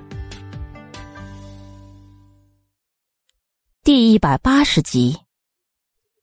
老夫人接过张嬷嬷递过来的茶，轻轻的抿着，像是没看见云柯正半屈着膝朝他行礼。云柯见他装没看见，自然也乐得直接起身。老夫人见他如此敷衍，脸色更加的不悦。听你说，将六姐接了出来，不咸不淡，不悲不喜，平静的像是在诉说一件极为自然的事情。但云柯却是从中听出几分不悦来，清扫云芝一眼，见他脸上果然写满得意，呵。以为将他接云朵娘俩的事情捅到老夫人面前来，就能压他一头了吗？收回目光，云柯低头敛眉，柔顺回答道：“嗯，是的，六妹妹她病得不轻，她的丫头拿着仅有的几个铜板去草药铺子里买人参，结果被铺子里的伙计给打了出来。科儿恰好路过，便将她带回来问清楚了情况。想着杂院那里……”终究是不适合休养身体的，便擅自做主，将锦院东面的院子收拾了出来，让他们母女住了进去。三妹妹还真是灵活运用呢。乔姨娘经营三房多年，三房就一直相安无事，怎么三妹妹才刚接手，就发生了这么多的事情呢？又是将王总管全家给发卖，又是六妹妹重病的。三妹妹没有人教导过，若是觉得吃力的话，还是将这掌家之权让出来吧。云芝见云柯如他所愿，说到三房里的事情，当即便兴奋起来，一顶高帽子就这么扣下来，他就不相信了。云柯他还能继续掌管三房？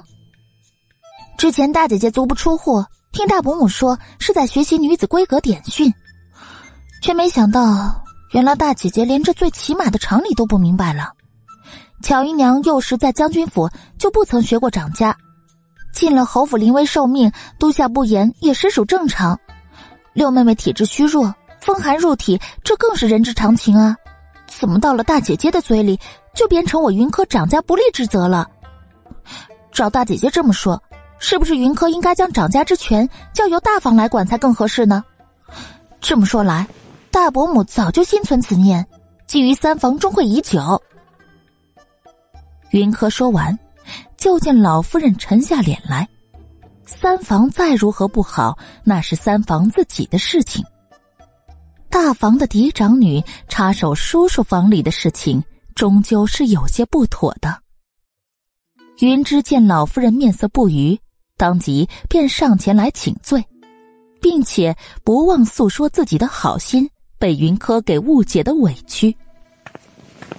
侄儿只是担心三妹妹年纪尚小，没办法服众，想着或许老夫人派人教导指导会更好，没想到三妹妹会如此误会。